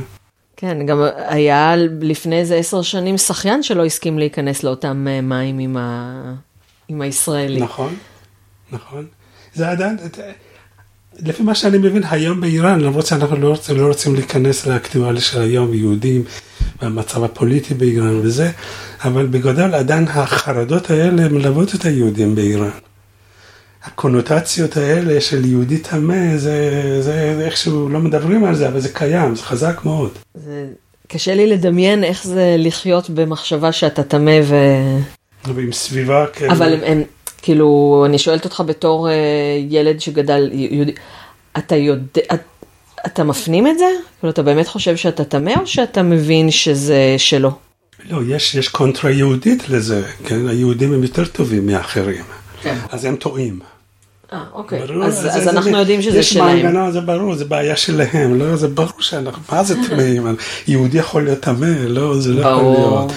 לא, אני לא חושב, בוא, בוא, שאלה מאוד טובה, אני לא חושב שלפחות אנשים שאני מכיר, שזה השפיע על הדימוי העצמי שלהם, לגמרי לא. אגב, זה עשה אותם ליותר גאים, יותר, כן, זה טוב. גאווה יהודית. כן. אה, אז אמרנו שאסף אביהם היו מאוד לא טובים ליהודים. בואי נגיד, ה- וגם כתובה אנוסי. וכתובה סרגוזשט אה, אה, יהודיון אה, קשן זה היה. נכון. אה, מתארים אה, סרגוזה שישראלן. ישראלון קשן. יהודים אף פעם לא קראו לעצמם בתור יהודים. יהודים קוראים לעצמם ישראל. אה, ישראל. ולגויים קוראים גויים. בדיוק, וזה זה שם תואר. נכון. גויים. אונה ישראלה גויים או ישראלה. ישראלה. ישראלה גוימה. גויים, הרי גו- גויים והגוימה. ואני מצאתי גם גוימן ושאימן בתפסיר יחזקאל. כן, כן, כן, אני ראיתי את זה בעבודה שלך, גם כן ראיתי בטקסט. שזה בדיוק הצמידות ל... ברור. כן, בקומיקס שאני מלמדת איתו סוביונקטיב, אל תזמי, אה, אז יש קטע שהאימא, זה על אימא שרוצה שהבת שלה תתחתן. اما مردی که با دخترش ازدواج بکنه نه باید گوییم باشد. הגבר שהתחתן עם הבן שלה אסור שיהיה גויים. וזה כל, התלמידים חושבים שזה הפועל לומר בסוביונקטיב, אז... זה, כן, זה מדגים מאוד טוב את המיקום של המיקום התחבירי של סובג'קטיב, המורפולוגיה.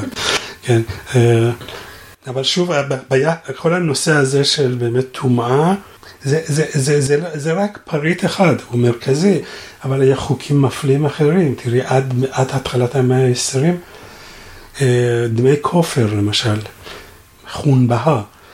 אם מוסלמי הורג מוסלמי אחר, יש דייה, הוא יש, צריך ברור, לשלם. ברור, הוא צריך לשלם, ויש בדיוק פירוט מה התשלום ומה הגובה שלו. אישה זה חצי מזה, וגמל זה עשירית מזה. יש דייה לגבר, 50% לאישה, 10% לגמל. כן, ובתוך זה יש את הכמובן, זה היחס, אם זה, אם זה בתוך הקהילה המוסלמית, אבל מה קורה אם מוסלמי הורג, כן, יהודי, או ארמני, או זורואסטרי, או לא משנה, לא שיעי, כן?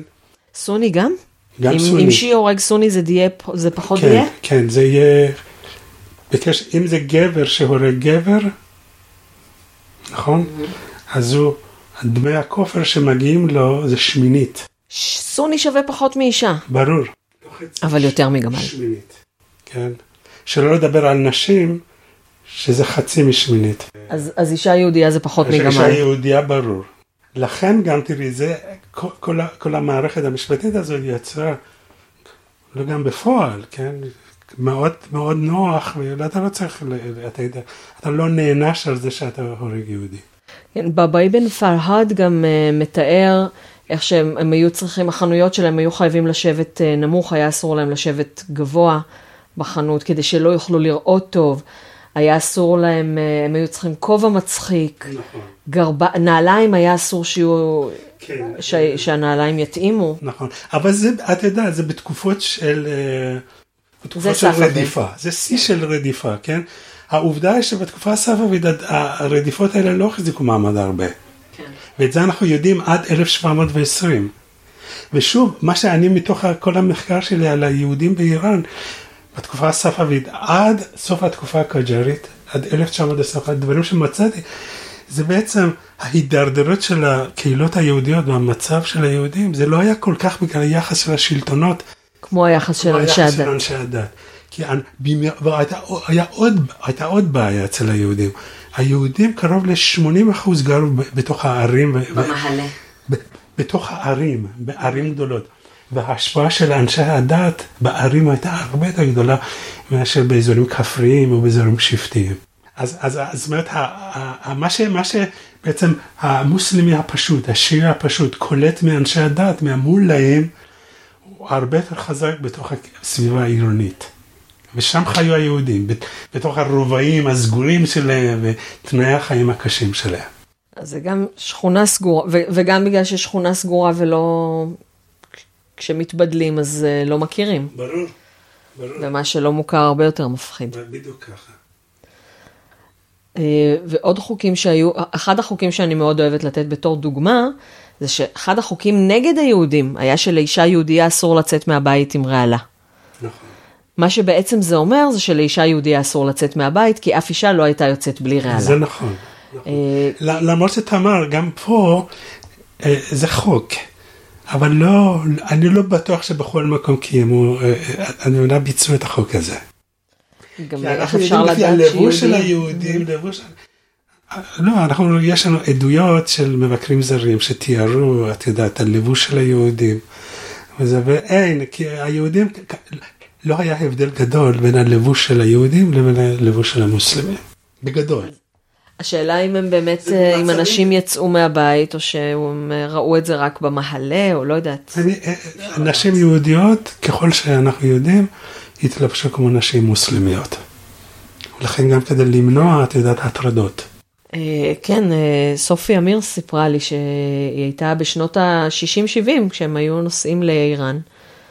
היא הייתה מסתובבת שם עם צ'דול כדי שלא יטרידו אותה. נכון. אימא שלי הלכה עם צ'דור כל הזמן. הייתה אישה מאוד מודרנית, אבל כשהלכה, אנחנו היינו קרובים לבזאר של טהרן, כשהלכה אה, לאזור הבזאר, בזאר טהרן, אז אה, כמובן הייתה עם צ'דור, צ'דור סיוע, אני זוכר את זה עד היום. צ'דור שחור שלא, שלא יטרידו. בדיוק. זה לא משנה שהיא, כן, היא והחברות שלה וזה, כן, כבר היו משכילות יותר, ולבושות בלבוש אירופי, אבל לא בשוק. לא בשוק. אה, אז מרגע שאנשי הדת התחילו להיות יותר חזקים, היחס ליהודים נהיה פחות טוב, ואנחנו יודעים שגם בתקופה הקג'ארית היו עדיין חוקי אה, נג'ס נגד היהודים. לא רק זה, תמר, אם כבר, אני חושב, התהליכים האלה שאמרתי, חוקי טומאה ורדיפות של יהודים על רקע משפטי, כן? הגיעו לשיא שלהם בתקופה הקג'ארית. זאת אומרת, זה כאילו היה תהליך הדרגתי שאנשים, שהמוסלמים הפנימו את החוקים האלה ואת ההגבלות האלה, וזה הגיע לשיא שלו, לדעתי ב-1870-80. ואז נאסר א-דין שאה, שהיה המלך הקג'ארי, הוא היה לו יחס טוב מאוד כלפי היהודים, הוא אישית. החברים שלו היו יהודים, הרופאים שלו היו יהודים. אז לא הייתה שום סיבה, כן, הוא גם אהב יהודים, היו לו נשים יהודיות. אז, אז מה שקרה זה ש... אבל לא הייתה לו שליטה, כן? מי ששלט בעם היה יותר דווקא אנשי הדת. מי ששלט באיראן היה הבריטים והרוסים, מי ששלט בעם היה אנשי הדת. המלך רק uh, אסף uh, מיסים. בדיוק. ונסע לאירופה. בגדול זה, זה נכון, כן. וסכסך בין, את יודעת, הפרד ומשול בין כן. החלקים השונים של האוכלוסייה האיראנית כדי להמשיך לשלוט. כן, הקג'ארים היו שושלת כושלת. לגמרי כושלת. תיאורים נוראים על איראן בתקופה הקג'ארית. כן, כאילו חוץ מהשנה הראשונה, השנה הראשונה הייתה מוצלחת, ואחר כך הם המשיכו על, העד, על עדי הדלק האלה עוד 130 נכון, שנה. נכון. לא, מה שגם, את יודעת, החזיק את הקג'ארים זה בעצם באופן פרדוקסלי. הבריטים יכלו בהינף יד להפיל את המלכים האלה ולהפוך את איראן כן, לשטח קולוניאלי, כמו שעשו בהודו. כן. זה לא השתלם להם. הם העדיפו ל... הם העדיפו שיהיה איזה שלטון מקומי, כן, חלש ותלוי, כן, שיוכלו לעשות בו מה שהם רוצים, אבל נומינלית, רשמית, כאילו זה עדיין הממלכה האיראנית. נכון, דיברנו על זה גם uh, בפרק, בפרקי ההיסטוריה, גם uh, על, uh, בפרק uh, הקודם, בקרוס אוברים היסטוריה גדולה בקטנה, על כמה קג'ארים היו שושלת כושלת. Uh, ואז בא רזה שאה פהלוי, שהוא נחשב למציל היהודים, ובזכותו לא הרגו אותנו, ובזכותו הפסיקו עם הפוגרומים, ובז... לא, לא בדיוק. את יודעת, זה הכל יחסי. כן. בהשוואה לדברים שהיהודים עברו במאה ה-18 ו-19, ריזשה זה באמת תקופת, תקופת פריחה של היהודים. אה, גם אה, בפרק 9 דיברנו על אה, עבדול חוסיין א-שעדרי.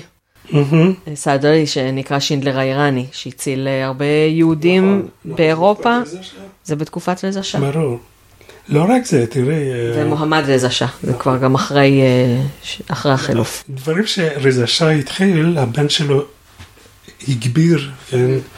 והנהנים הגדולים של איראן בין היתר היו המיעוטים הדתיים. שזה הייתה בעצם הרעיון היה של מדינת לאום איראנית, אז אין כבר מיעוטים, כולנו איראנים, זה ברור? אז ברור, מה שמגיע לכל איראני זה זכויות בסיסיות. זה הגנה, זה ביטחון, זה שוויון בפני החוק, ייצוג בפרלמנט, בתי ספר וכך הלאה. נכון, ואנחנו נציין, אנחנו לא מדברים על אקטואליה, אבל שעד היום יש ליהודים מושב במג'לס. ברפובליקה האסלאמית יש ליהודים זרואסטרים ונוצרים מושבים במג'לס. צודקת לגמרי, נכון. אה, יש קהילה, ועד יהודי טהרן, שיש להם אתר שנקשר מגוף הפוסט. אה, קהילה מאוד אה, פעילה. ולפני כמה שנים, כשסגן שר החוץ אמר איזה משהו רע ליהודים, אז ראש הוועד כתב מכתב. אני לא זוכרת אם זה היה לנשיא אחמדינג'אד או לשר החוץ שלו דאז, ו, ו, והוא ננזף. כן, כן, את זה אני זוכר את זה.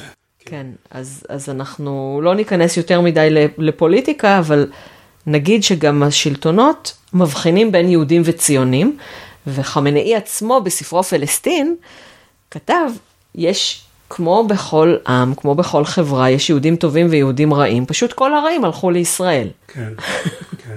תראי, זה גם משמש בעצם, את יודעת, אה, היחס כלפי היהודים, אנחנו שוב לא ניכנס לאקטואליה, מה קורה היום ביהודים באיראן, אבל כהערת שוליים, זה משרת מאוד את האידיאולוגיה האסלאמית.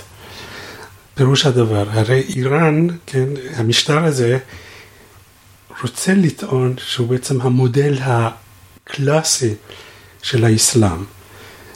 המודל הקלאסי של האסלאם זה יחס סובלני כלפי המיעוטים הדתיים. כדי להוכיח את זה, הנה, אנחנו, יש לנו את היהודים, היחס והם רואים, הם, הם חיים איתנו, מאות שנים חיו איתנו, הם ממשיכים לחיות. כן, אין סיבה להקים מדינה בשבילם. זה, זה הצד השני של המטבע. יפה, טיעון משכנע. אה, אז הגענו עד היום, ואז אנחנו יכולים עכשיו לשמוע עוד, עוד שאלה. שתיים, האם ניתן um, לחלק לקבוצות מערים שונות את היהודים באיראן? זאת אומרת, האם יש יהודים בערים מסוימות ששונים מיהודים בערים אחרות, ואיך? ולא יודע, סטריאוטיפים על קהילות יהודיות באיראן זה נראה לי גם מגניב ממש. וזהו, תודה רבה. הסטריאוטיפ זה אספהנים. ואני חושבת שהסטריאוטיפ של יהודי אספהן לא שונה מהסטריאוטיפ של, אה, של המוסלמים האספהנים, כאילו اصفهانی بازی זה اصفهانی بازی. אה, בגד, אה, זה, זה, זה נכון, זה נכון. זאת אומרת, תראי, דיברנו על זה שהיהודים, את זה אנחנו יודעים גם מהתקופה הספאבית ואילך, כנראה גם לפני זה הם ישבו בעיקר בערים הגדולות. אבל בגלל שאיראן היא כל כך גדולה, אז בכל אזור יש מאפיינים מקומיים, שזה שפה ומנהגים והשפעת הסביבה הפיזית עליהם וכך הלאה. זה דבר אחד. דבר שני, לכל אזור, למרות שאנחנו עושים הכללה, הייתה היסטוריה קהילתית שונה. וזה יצר גם כמובן את ההבדלים, כן, בתוך הקהילות עצמם. נכון, אנחנו לא נדבר עכשיו על דיאלקטים, כי אני רוצה להקדיש אה, פרק שלם ללשונות היהודים באיראן, אבל לכל עיר יש דיאלקט משלה, נכון, זה אנחנו כן נגיד. נכון. אבל לגבי, לגבי הסטריאוטיפים, כן...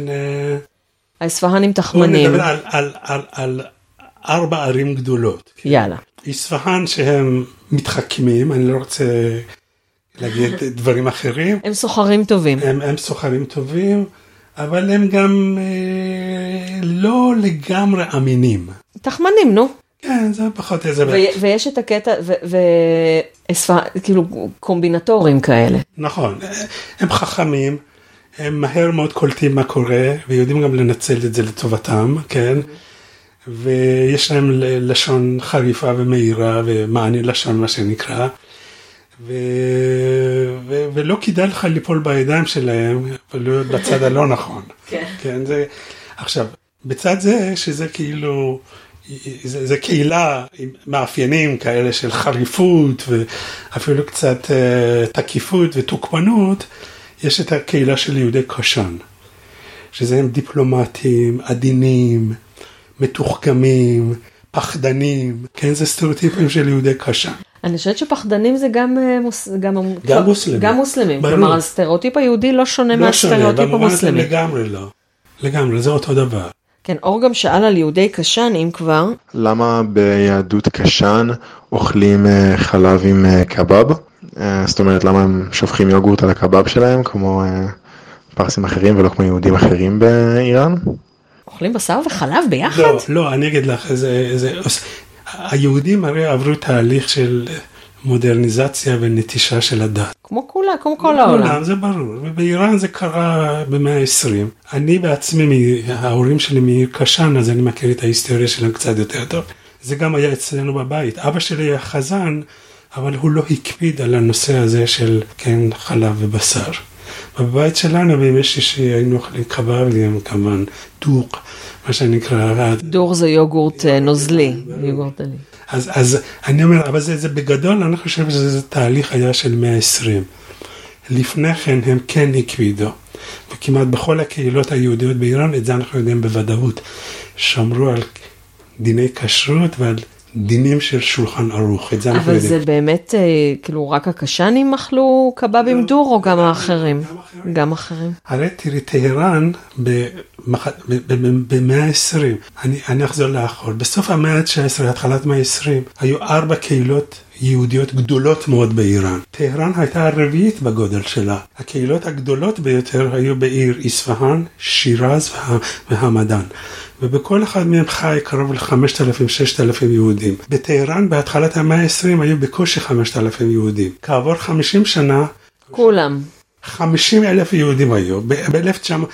ב-1950 היו קרוב ל-50, אפילו קצת יותר. הייתה הגירה גדולה מאוד מה, מה, מה, מהפריפריה לטהרן. והם עברו, כולם עברו תהליכים של מודרניזציה ושל, את יודעת, אה, עזיבת הדת וכך הלאה. אה, אז איזה סטריאוטיפים יש לנו המדען. על המדען? המדען שהם עם אף למעלה. כן, חשבתי שזה משהד. לא, משהדים זה... הם חשדנים וסנובים. חשדנים וסנובים ומתבדלים. כן, מתחתנים רק אחד עם השני. רק אחד עם השני. זה קצת נרגע בזמן האחרון, אבל עדיין חזק מאוד. משהדי שואל כאן מאיפה אתה, כן, אם אתה לא משהדי, אז אין לך מה לעשות עם הבת שלו. זה פחות או יותר, כן, אבל המדענים אה, כאילו מחזיקים מעצמם, זה הדימוי. בגלל שהם אומרים שהמדען זה שושן, ושמרדכי ואסתר קבורים שם, למרות ששושן זה שוש וזה יזדגרד ואבא שלה. תראי, יש גם דוח. כן, זה, זה נכון שאסתר ומרדכי זה מאוד מרכזי, אבל יש גם ערים אחרות עם, אתה יודע, קברי אה, נביאים וכך הלאה. בשוש זה- שוש זה קבר דניאל, ו- וחבקוק אה, קבור אה, ליד אספהאן. בטוויסר כאן. אבל בגדול, אני חושב המדענים, תראה, הסטריאוטיפים האלה הם סטריאוטיפים של 120 עד היום. המצב הכלכלי והתרבותי של היהודים בהמדאן היה הרבה יותר טוב מיתר הקהילות. בין היתר בגלל שבית ספר אליאנס פעל שם, היו שם הרבה הרבה בוגרים של בתי הספר האלה, הרבה משכילים, והיו גם המון סוחרים יהודיים, שהיו להם קשרים עם יהודי בגדד, עיראקים, שהם סחרו בין איראן לבין עיראק. אז המצב הכלכלי שלהם היה יותר טוב, ובין היתר, בעיר המדען זו הייתה הקהילה היחידה שהיהודים, הייתה להם רשות ואפשרות להחזיק חנויות בתוך הבזאר של המדען. וואלה. בערים אחרות זה לא היה קיים. אה, אני, בביוגרפיה שאני מתרגמת עכשיו, שאני כותבת עכשיו, סליחה, אה, אז יש לו חנות אה, בבזאר של תבריז, ליהודי. כן, זה מתי הרגע? קהילת תבריז. תחילת, המאה ה-20. כן, היו, נהרסה בסוף המאה ה-19. כן, יש שם, אה, בזמן שאני כותבת עליו את הביוגרפיה, אז יש שם איזה חמש-שש משפחות. כן, לא נשאר. חמש-שש משפחות מאוד. וחמש-שש באורומיה. בדיוק. באורומיה לא, באורומיה הייתה קהילה גדולה מאוד. אבל להיכנס לזה, את זה יש לי את המספרים גם כמה חיו בזה. יש המון מידע. מספרים מדויקים אתה יכול אחר כך לשלוח לי, נשים בגוף הפוסט. בסדר, לא, אבל בגדול, יצא בזמנו גם, אם כבר את גם כתבת שם, ספר של חיים סעדון. כן. אני גם כתבתי וגם ערכתי את התעתיקים בכל הספר. כן, אז את יודעת, אה, זאת אומרת, שם יש גם אה, הסבר לגבי כל קהילה וקהילה. אז בספר הקהילה איראן, אז ניקח משם, זה יצא ב-2006, נכון. אבל אה, אלה כן, זה הנתונים. שימושי מאוד, יש שם, שם נתונים לגבי... אוקיי, נקשר מגוף הפוסט לספר הקהילה אני איראן. חושב שזה אפשרי, אה, למרות שיש גם המון המון מקורות אחרים. אבל אה, שוב, לגבי יהודי המדען, אני חושב שגם בטהרן זה היה ככה. זאת אומרת, אנחנו כולנו היו ילדים של? מהגרים. כן, הם כאילו הרגישו איזה יחס של עדיפות ועליונות כלפי יתר הקהילות. על אורומיה יש סטריאוטיפ? לא מכירה. רמיה לא, הייתה קהילה יחסית קטנה, אז... כן. אה, מדברים לישן דידן, שזה מה שמעניין, שמדברים כן, מה ארמית ולא זה השפה פרסית. הארמית, נכון. כן. אה, אז העיר האחרונה שלנו, ואנחנו נשמע שאלה מיוחדת על אבירם, הוא שואל, היי, אה, ערב טוב. הייתי רוצה לדעת אה, על יהדות שירז, אה, ממה שאפשר לדעת, ממה שאנחנו יודעים, והייתי רוצה לדעת מה הקטע של יהדות שירז עם אה, שמות המשפחה הנוספים, לכהנים או אולי בכלל. תודה. תראה, את זה אנחנו יודעים שבקהילת שירז היו המון יהודים ומלמדים יהודים ורבנים ממשפחת כהנים.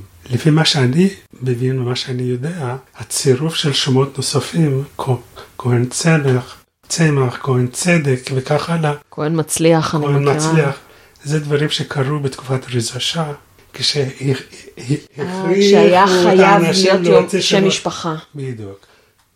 נכון. כי אז הם כהן, כן, זה לא היה מספיק כללי, ספציפי. אז היה צריך פשוט ליצור, ולכן גם היהודים בחרו את, הש... את, את התוספת של השמות האלה. זה לפי מה שאני שמעתי ולפי מה שאני יודע, כן? ולמשל, דמות מאוד מאוד מרכזית של יהודי שירז, אגב, יהודי שירז הם בין העולים הראשונים שעלו לארץ, והתיישבו בירושלים, והרבה מהם בנחלאות של היום. והבנאים, הם אה, הבנאים זה בדיוק. באותה שכונה. הרב, אחת הדמויות המרכזיות זה הרב עזרא ציון מלמד, שהוא הכהן, כן, ממשפחת כהן. אבא שלו זאת אומרת, הוא, הוא, אבא שלו, שזה היה הרב של, אחד הרבנים של קהילת שירז, היה הרב רחמים, מלמד הכהן. הוא היה גם כהן, גם היה מלמד, בבית שלו היה מלמד, וכמובן גם היה כהן. הדבר המעניין לגביו, שהוא כשעלה, הוא בעיר שירז, כשהיה בן 13, קראו לו מולה קוצ'יק. מולה קטן, מולה קטן. איש דת קטן. הוא היה גם רב כבר בגיל 13-14, הוא היה עילוי, כן? והתכונות האלה עברו לבן שלו, עזר ציון מלמד, שהוא כמובן קיבל, הוא היה פרופסור לתלמוד וליוונית ורומית והיסטוריה עתיקה, ובמיוחד ההתמחות שלו היה בתחום התלמוד, קיבל פרס ישראל, בין היתר. גם כן, שני הדורות האלה, כולם משירז, כולם כהנים, אבל הוסיפו לעצמם כמובן תוספת. זה כהן מלמד, וזה כהן צמח, וזה כהן צמח, וכהן צדק. אני חושב בגדול, באיראן על כל פנים זה היה דבר שקרה בתקופת רזה שאה, כשהכריחו, לא רק את היהודים, כולם היו צריכים להוציא תעודות זהות. כן, כולם היו צריכים להוציא תעודות זהות ולבחור שמות משפחה. בדיוק. פתאום אה, כל שמות המשפחה בעצם התחילו מ-1925, לפני כן לא היה צריך. לא היה, לא.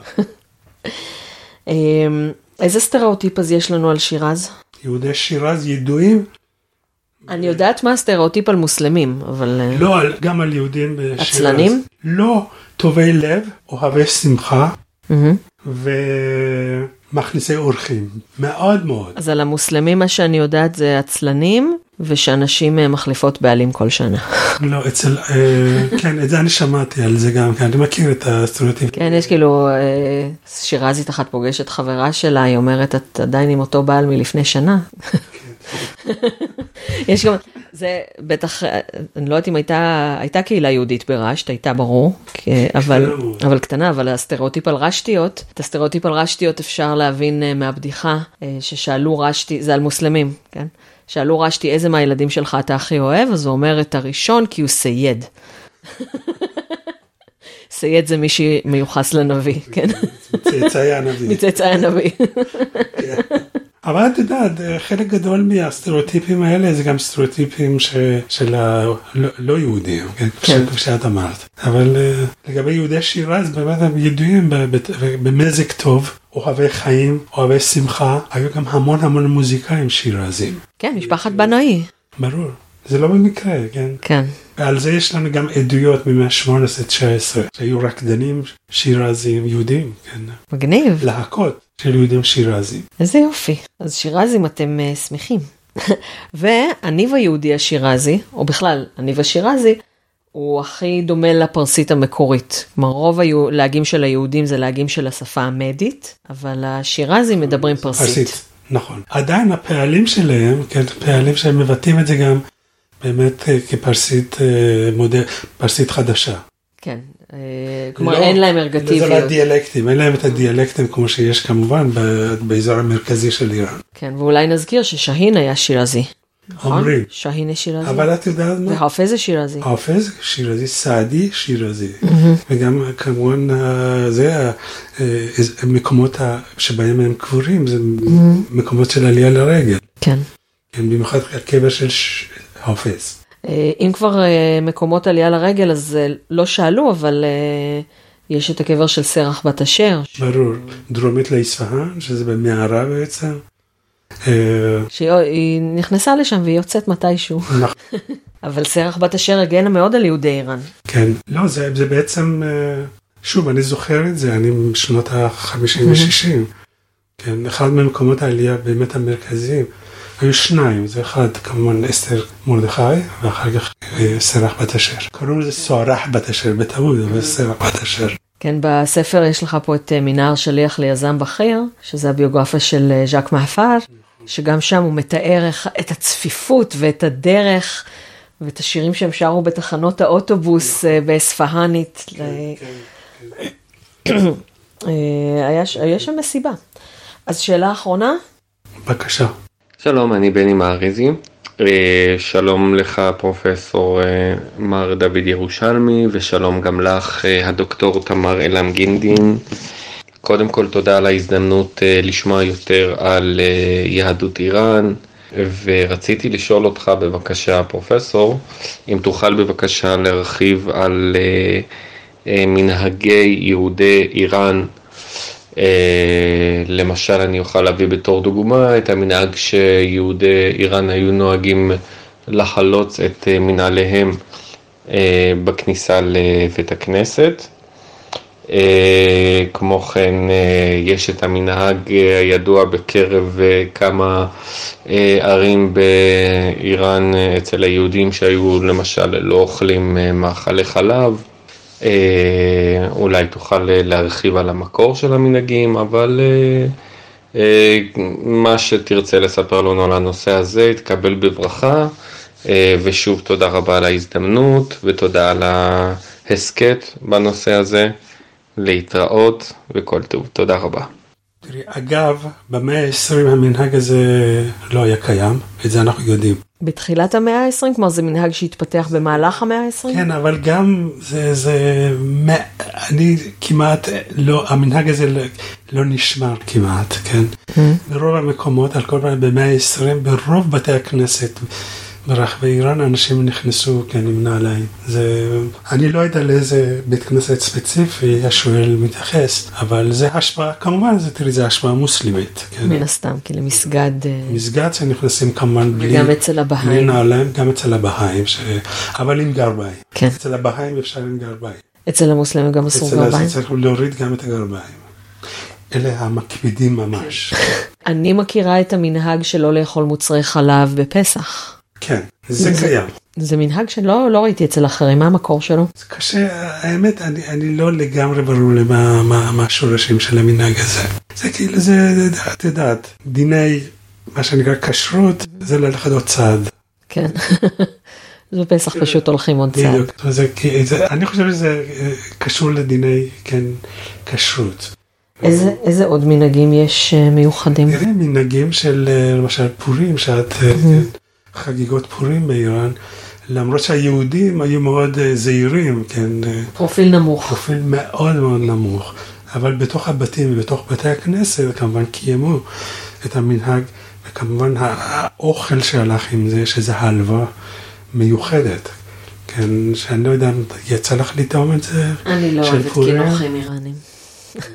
זה אחד הדברים שעוד נשאר לי כדי להיות איראנית לגמרי, זה כן, קינוחים. למרות שאנחנו בתור ילדים מאוד אהבנו את זה, ו... הטעם שלי עדיין זה טעם מאוד איראני, אז אה, אני מאוד אוהב את זה.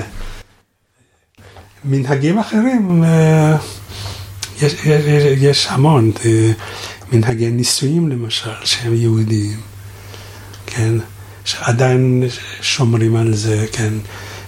טקס האירוסין למשל, כן, שזה גם כן מושפע מהסביבה המוסלמית, כן, פחות או יותר זה העתקה של המנהג האיראני, כן, שזה טקס, ש... מה, ש... מה שמאוד מאוד uh, מעניין, זה בעצם טקס מאוד פטריארכלי עדיין.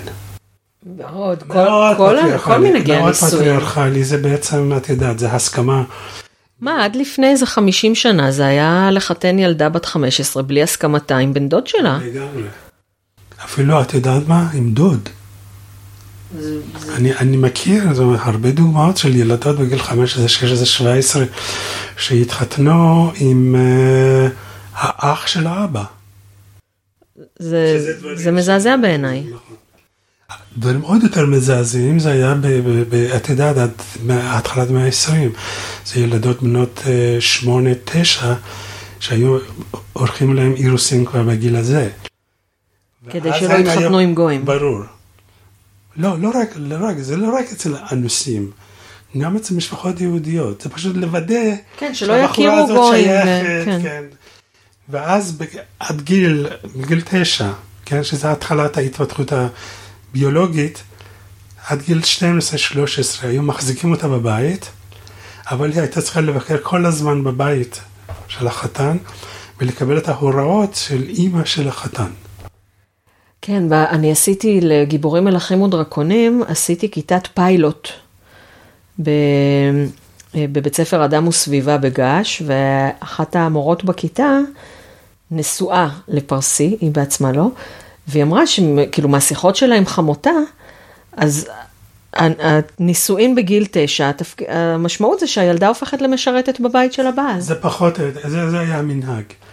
כאילו, היא נהפכת לרכוש פחות או יותר של, של, של כל המשפחה. של כל המשפחה. אני שמעתי הכל, תראי, שוב סיפור משפחתי, אה, ובזה אנחנו אולי כן. נסכם. יש לי סיפור שאני רוצה שתספר בסוף, אבל אחרי, כן. אה, אה, סבתא שלי מצד אימא שלי, היא הייתה בת למשפחה של תשעה אחים ואחיות. היו שם ארבע בנים וחמש בנות. כמעט כל חמש הבנות, כן, התחתנו, או בעצם הסיעו אותם לבעלים שלהם כשהיו בנות עשר, אחת עשרה, שתים עשרה. זה כל כך נורא בעיניי.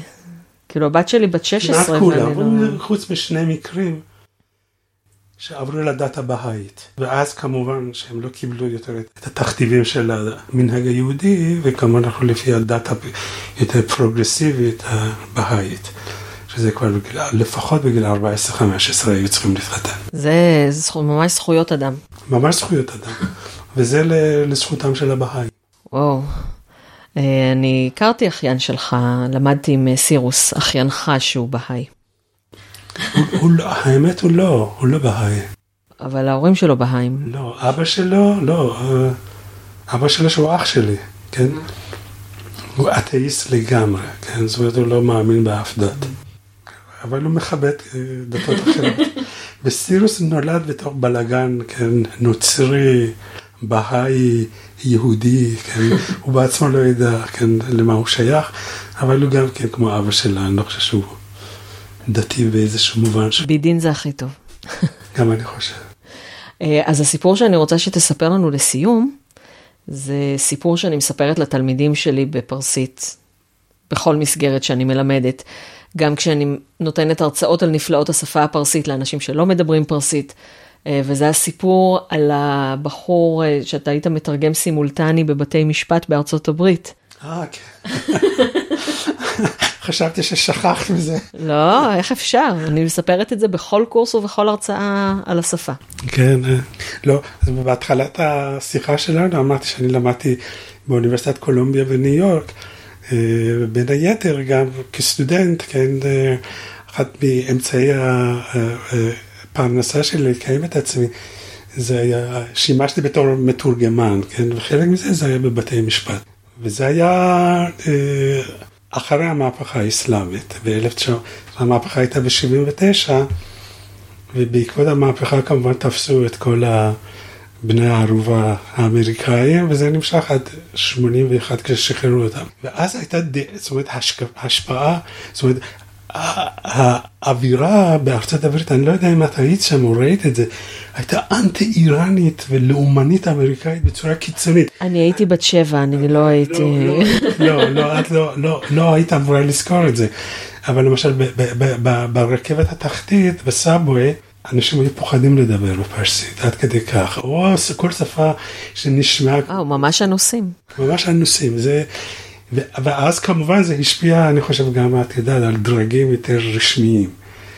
אז מה שקרה זה פשוט, התקשרו אליי, אמרו, יש לנו מישהו שהגיע מאיראן והסתבך, הוא הביא איתו, הוא היה, הוא בעצמו באיראן, את יודעת, הרבה אנשים מכורים לאופיום וכך הלאה. והוא כשבא לארצות הברית הביא איתו, נדמה לי, איזה, איזה שני קילו. והצהיר עליהם, והצהיר במכס. והצהיר, והיה בן אדם מאוד הגון וישר. אז תפסו אותו, את המסכן, היה בן אדם מאוד מאוד נחמד. יצא לי לפגוש אותו כמובן, כי זה היה בבית משפט, והציגו אותו, ואז כמובן היה צריך לעבור משפט. והשופט היה אמריקאי ממוצא איטלקי, ומאוד מאוד אמריקאי בתפיסה שלו ואנטי איראני. והבחור המסכן הזה היה בחור מאוד מאוד משכיל, והוא הכין איזה פטיציה בפרסית. כתב את זה בפרסית יפהפייה להסביר את זה, כן? עכשיו, ככל שפרסית יותר יפהפייה, יותר כמובן, יותר רשמית, והיא כמובן שומרת על הדקדוק הפרסי, והדקדוק הפרסי כמובן אנחנו יודעים הפועל בא בסוף, בס... כיחידה האחרונה. וכדי שיהיה כמה שיותר יפה, אז גם כדאי שיהיו יותר פסוקיות. פסוקיות ותיאורים ובת הווה ג'ובה ו... נזר בבת הווג'ובה והאינקה והאנקה וכך הלאה, כן? אז הבחור התחיל, השופט אה, חיכה לתגובה של הנאשם, ואני עומד לידו ואני אמור לתרגם, והשופט מסתכל עליי, והבחור הזה קורא כמעט איזה שלוש דקות, והשופט מסתכל עליי ואומר, What is he saying? אומר- הוא אומר לו, זה באנגלית, הוא אומר לי, מה, מה הוא אומר? ואני אומר לו, Your honor, כבודך, I am still waiting for the verb. אני עדיין מחכה, כן, לפועל, ש- שיסכם את המשפט, אני לא יכול לתרגם את זה לפני זה. אז הוא אמר, וואל, I understand, I understand. בסוף זה לא עזר למסכן הזה, הוא קיבל ארבע שנים בבית סוהר. וואו. בגלל שהוא היה בסדר והצהיר על... אה, נכון, היה אדם ישר. אבל זה לגבי השפה הפרסית, כן? טוב, אז תודה רבה רבה רבה, היה ממש מעניין. תודה גם לך. אה, נעמת לי מאוד, ואולי אה, נשארו לנו עוד דברים שלא דיברנו עליהם, אז אה, לפעם הבאה. נשמח. מכיוון שהפרק קצת ארוך, אז את פינת האקטואליה ואת האטימולוגיה שמתי בגוף הפוסט, כתובה, ואני מקווה שמחר או משהו, אחרי שאני אסיים לערוך אותה, שזה בעיקר להוסיף כותרות, אז יהיה גם וידאו, אבל היא לא תהיה בשמע. אגב, עוד אפשרות, למה היא שהאסמאעיל הראשון, ילד ג'ינג'י בן באהבז, 14. והיא מדברת על האטימולוגיה של אהבז, חוזסטן, חורטוסטרי, שהוא דובר אה, ארגון אה, שחרור אהבז. אז אה, בואו נעבור לענייני מנהלה. ענייני מנהלה. שתפו את הפרק בבקשה. אם אהבתם, אתם מוזמנים לשתף עם איזו מילה טובה, ואם לא אהבתם, שתפו עם איזו מילה רעה. פרסום זה פרסום.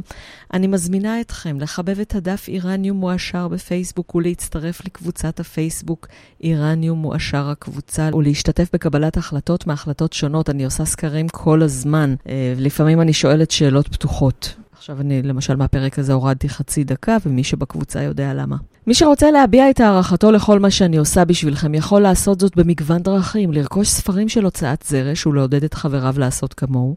יש לנו שני ז'אנרים עיקריים, ספרי חנונים וספרי בישול טבעוניים. חלק מהספרים שנמכרים באתר הם לא של הוצאת זרש, אבל זו עדיין דרך להביע הערכה אליי. אפשר ומומלץ גם להמליץ למנהלת הרווחה הקרובה אליכם או לוועד העובדים שלכם לרכוש מאיתנו ספרים או שוברים כמתנות חג ויום הולדת. אפשר לשלב עם שוקולד של יער הקקאו ועם שמן זית של משק שור. הדרך השנייה היא להזמין אותי להרצאות למסגרות שמשלמות היטב, והדרך השלישית היא פשוט לקנות לי קפה. תודה לאלה שכבר קנו לי קפה, היה טעים, נעים, מעורר ומחמם לב. אה, אני רוצה לציין שלכל הדברים שאני מזכירה שאפשר לעשות ולהצטרף, יש כישורים בגוף הפוסט. אבל אם אתם מתעצלים ואתם בכל זאת רוצים לקנות לי קפה, אז וואו וואו וואו. נקודה ko-fi.com/thamar זאת אני.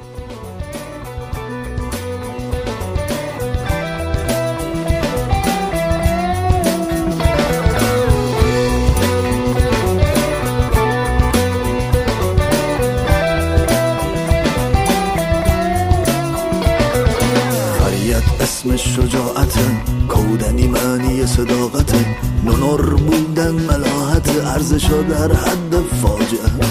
توهین اسمش هدایت نقاب تعبیر نجابت. سرمایه زن به کارت ازدواج یه جور معامله است. چیز زیادی واسه گفتن نیست. وقتی سکوت و فریاد ممنوعه. برو داداش اینجا وانسا باستادن اینجا. عکس برداری از ساختمان های دولتی ممنوع است. برده ساله بهایی ممنوع است. تلویزیون خصوصی ممنوع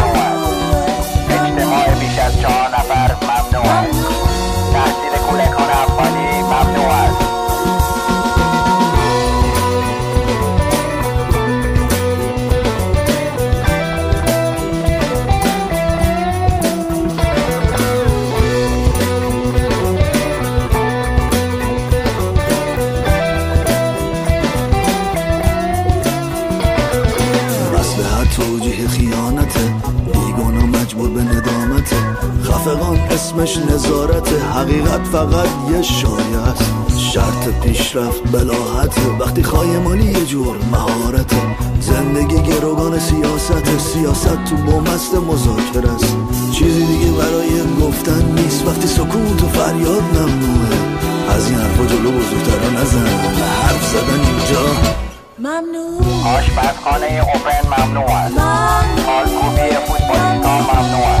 توییتر فیسبوک و یوتیوب ممنوع Mamnoa.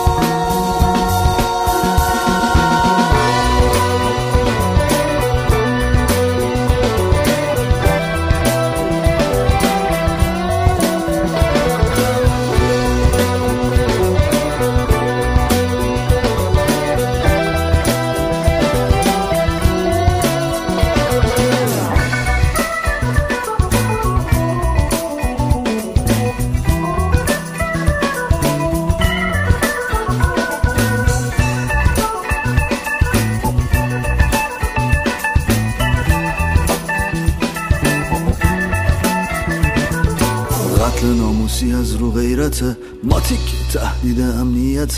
آلت مرد یه ثروت وقتی زن جنس دوم جامعه است. توهم اسمش درایت خود شاخ مینی شهامت. دشمن اسم دیگه یه ملت هر روز تکرار همین فاجعه چیز دیگه ای واسه گفتن نیست وقتی سکوت و فریاد ممنوعه. برو داداش اینجا وانسا باستادن اینجا.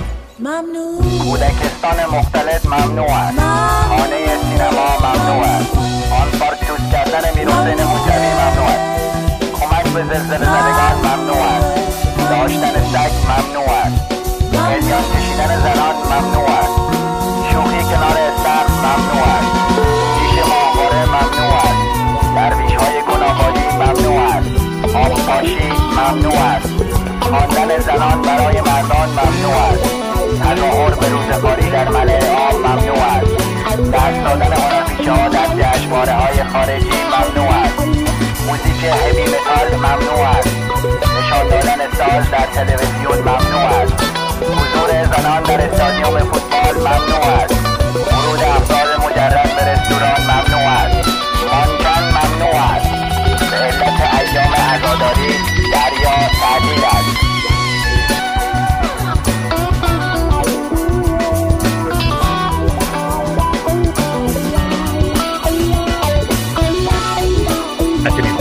את הפודקאסט איראני מועשר podcast.zrsh.co.il אימייל ליצירת קשר איראניום at zrsh.co.il ואם אתם רוצים אקטואליה איראנית מהמאה ה-21, תוכלו למצוא אותה בבלוג חדר 404, room404.net, בטור של דוקטור תמר אלעם גינדין, מהנעשה באיראן.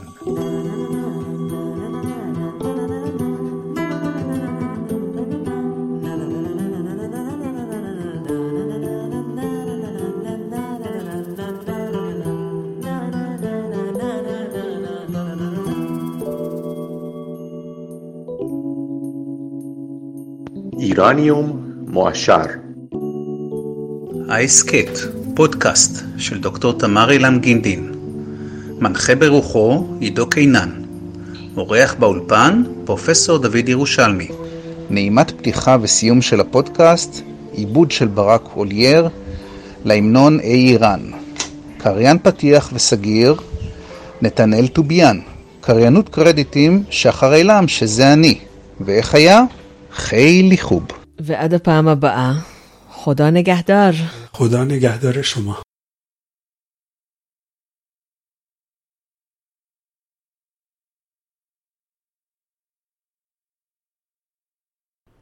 תקציר הפרקים הבאים, זכרו, כל תוכנית היא בסיס לשינויים, כפי שבוודאי שמתם לב. הפרק הבא, הוא כנראה לא ישתנה מכיוון שכבר יש לי את כל השמע, הוא crossover עם היסטוריה גדולה בקטנה, זה עקרונית שיחה חופשית, אבל נסוב סביב הציר של נסיכות קג'ריות.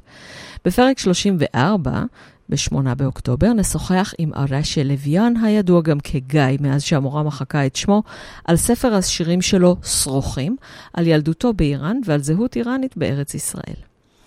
בפרק 35, ב-15 באוקטובר, נדבר שוב עם דוקטור אורי גולדברג. תודו שהתגעגעתם, אני התגעגעתי, הפעם על החוקה האיראנית לדורותיה. בפרק 36 נדבר באנגלית עם אומן הלחימה האיראני-שוודי-אוסטרלי חשי עזד. ניסיון שלישי בלי נדר, הפעם זה גם קורה. פרק 37 ב-29 באוקטובר יהיה סוף סוף העדכון המיוחל עם מעיין אשכולי מהתקדמות הרומן ההיסטורי המתפתח שלנו, המלכה. אני מקווה שזה יהיה לרגל השקת קמפיין ההדסטארט שלו, כי אם לא, זה אומר שהחלק הראשון של הטרילוגיה יצא רק ב-2020. בינתיים אתם יכולים לקרוא על ההתקדמות בקבוצת הפייסבוק הסגורה של הספר, המלכה רומן היסטורי. פרק 38 בחמישה בנובמבר.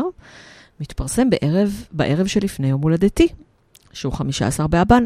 ומאזיני איראניום מועשר בחרו בקבוצת הפייסבוק שפרק היום הולדת יהיה שיחה עם מורי ורבי פרופסור שאול שקד. אז כך יהיה, אם הוא יסכים. עוד בקנה יש לנו שיחות עם שי סקונדה מתחום האיראן תלמוד, שגם נדחתה כמה פעמים, עם רובין עמדר על השירה הפרסית שאותה גילה בגיל 22, עם פרופסור שלום גולדמן מאוניברסיטת מידלברי בארצות הברית, על מערכת היחסים הלא אידיאלית בין הרפובליקה האסלאמית למיסטיקה השיעית. שיחה עם מספרת הסיפורים עדנה קנטי על משפחתה המתועדת בספרה אהבה וצרות אחרות. אה, עוד שיחה עם יסמין שלום מוטהדה על נשים איראניות חזקות, עוד שיחה עם חנה ג'האנפורוז על מה שהיא תרצה, כי אני חולה על התחת שלה. עם דני מוג'ה נדבר בעיקר על קולנוע איראני, אבל איך אפשר בלי כמה שירים על חשבון פשוט. אה, שיחות עם אנשי תקשורת ישראלית בפרסית, כמו נביד טוביאן, שירלי שמסיאן ואולי אפילו מנשה אמיר. crossover עם הפודקאסט שרת התרבות של עידו קינן, שנדחה כי יש לו 20 פרקים מוקלטים שהוא צריך עוד לערוך, ו crossover צריך לעלות במועד קרוב. והשגתי גם הסכמה מדיפלומט זר שמוצב בארץ ושירת קודם באיראן, פרטים כשנסגור תאריך. אתם מוזמנים לכתוב לי עוד הצעות ובקשות. אם נהניתם, הפיצו לכל עבר עם איזו מילה טובה. אם לא נהניתם, הפיצו עם איזו מילה רעה. פרסום זה פרסום.